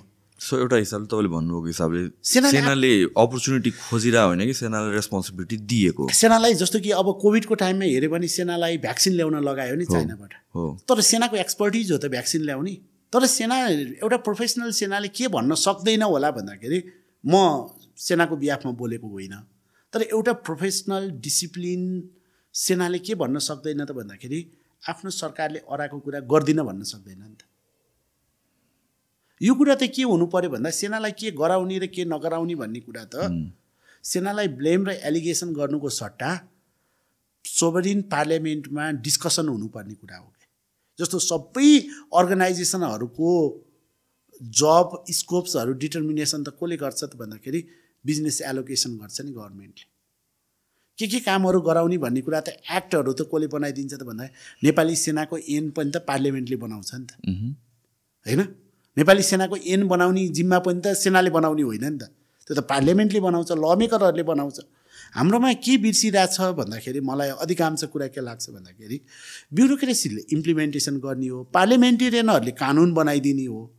कहिले कतै पार्लिमेन्टेरियनहरू पनि बकाबमा आएर कस्तो कुराहरू व्यक्त गर्नुहुन्छ भन्दाखेरि यो देशमा कस्तो कानुन छ भन्नुहुन्छ कि उहाँहरू पनि। कानुन बनाउने निकायले सेनालाई म्यान्डेटै दिएन भने त सेनाले आफै खोजेर त यो कामहरू त गर्दैन नि त। मलाई लाग्छ सेनाले बिजनेसहरू जस्तो अब कति कुराहरू वेलफेयरको लागि गरेको छ वेलफेयरको लागि गरेको कुराहरू नट ब्याड जस्तो कि इमर्जेन्सीमा काम गर्ने अर्गनाइजेसनहरूको लागि इमर्जेन्सी रिलेटेड इस्युज के अरे इमर्जेन्सी रिलेटेड लजिस्टिकहरू म्यानेज गर्न कसैले खोज्छ भने त्यो कुरा राम्रो जुन कुरा पेट्रोल पम्प चलाएको कुरालाई सेनाको प्रहरीको एपिएफको कसैले पनि इस्यु बनाए जस्तो मलाई लाग्दैन। सेनाले हस्पिटल चलाएको कुरालाई पनि कसैले इस्यु बनाए जस्तो पनि मलाई लाग्दैन। किनकि वारको टाइममा जति पनि वान एट सिक्स अब हाम्रोमा त सेनाको हस्पिटल भन्दा वीर हस्पिटल र टिचिङ हस्पिटल राम्रो हुने बित्तिकै त्यहाँ एफिसियन्टली सर्भिस पाउने बित्तिकै त सेनाको हस्पिटल आफै त बन्द गरिहाल्छ नि। सेनाको स्कुल भन्दा सरकारी स्कुलहरू सबै राम्रो हुने बित्तिकै त अहिले सिभिलियनको बच्चा बच्ची हो भने त सेनाको स्कुलमा पढाउन खोजेको। अटोमेटिक सेनाकै परिवारको बच्चा बच्चीहरू पनि सरकारी स्कुलमा यता आउने बित्तिकै त त्यो स्कुलको उपयोगिता त त्यत्तिकै समाप्त भइहाल्छ नि। हाम्रोमा कस्तो भन्दाखेरि इन्स्टिट्युसनहरू आफूहरूले नबनाउने तर कसैले केही इन्स्टिट्युसनहरू बनायो भने त्यो इन्स्टिट्युसनको क्रिटिक गर्ने ट्रेन्ड पनि छ।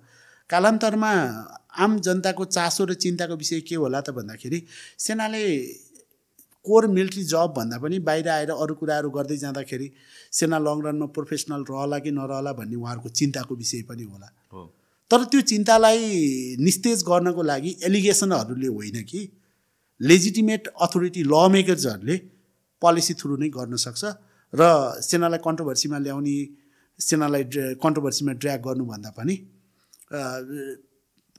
सम्बन्धित स्थानहरूमा पार्लियामेन्टमा अर्थात् गभर्मेन्टमा यो कुराहरूलाई छलफल गरेर रिजल्भ गऱ्यो भने हुन्छ। मलाई लाग्छ फास्ट ट्र्याक पछाडि सेनाको यो विषयमा धेरै डिबेट भएको तर मलाई लाग्दैन कि फास्ट ट्र्याक र कोभिडको भ्याक्सिनहरू इम्पोर्ट गर्ने कुरा पनि सेनाले आफूले चाहेर मागेको होइन कि सरकारले उनीहरूलाई नेपाली सेनालाई रेस्पोन्सिबिलिटी दिएको हो। र एउटा प्रोफेसनल सेनाले गभर्मेन्टले अराएको रेस्पोन्सिबिलिटीबाट नभागेको भन्नु पनि मिल्छ। दुइटै साइडबाट हेर्नु मिल्छ। ट्रु तपाईँले भन्नुको इट मेक्स सेन्स पनि जुन पेट्रोल पम्पकै कुरा गर्नुभएको थियो आई थिङ्क त्यो पर्सपेक्टिभबाट मैले पनि सोचेको थिएन। कि कन्फ्लिक्ट आइहाल्यो कि केही इमर्जेन्सी सिचुएसन नै आइहाल्यो र केही एक्ट गरिहाल्नु पऱ्यो भनेर भने प्राइभेट पेट्रोल पम्पको त राति बाह्र बजे एक बजे अपरेट गर्न लगाउनको लागि या कुर्नको लागि त त्यो त पोसिबल हुँदैन। त्यतिखेर आफूसँग ब्याकअप हुनु पऱ्यो सेम थिङ रिगार्डिङ हस्पिटलको पनि। सेम थिङ रिगार्डिङ स्कुलको पनि। द्याट अल मेक्स सेन्स तर अब कन्ट्र्याक्ट जस्तो कि अब आर्मीले फास्ट ट्र्याकमा आर्मीसँग इन्जिनियरै नभइकनै सडक विभागले गर्ने काम गर्यो भन्छ नि त। त्यही काम सडक विभागलाई दिएको भए हुन्थ्यो नि त सरकारले। सडक विभागले यो काम टाइममा गर्न सकेन भनेर आर्मीलाई दियो। अनि आर्मीले फेरि त्यही अरू कन्ट्र्याक्टरहरूलाई ठेक्का खुलाइदियो। होइन? आर्मीले आफैले पनि त गर्ने त होइन। एउटा मिडिएटर जस्तो एउटा मिडिएटर जस्तो म्यानेजर जस्तो भयो म्यानेजर जस्तो भइदियो। जुन कुरा आर्मीको एक्सपर्टिजको फिल्ड पनि होइन फेरि। तर यस्तो कुराहरूले गर्दाखेरि कहीँ कतै सर्वसाधारणहरूमा आर्मी व्यावसायिक बन्दै गएको हो कि भन्ने एउटा त्यो नेगेटिभ इमेजहरू इस्टाब्लिस गर्न खोजिँदैछ होइन? यस्तो कुराहरू गर्नु हुँदैन जस्तो मलाई लाग्छ। आई आई थिङ्क प्रिटी मैले कभर गर्न सकेँ। Anything you would like to add एन्डमा के थप्नुपर्ने छ के कुराहरू? होइन ठिक छ। छैन? Okay thank you so much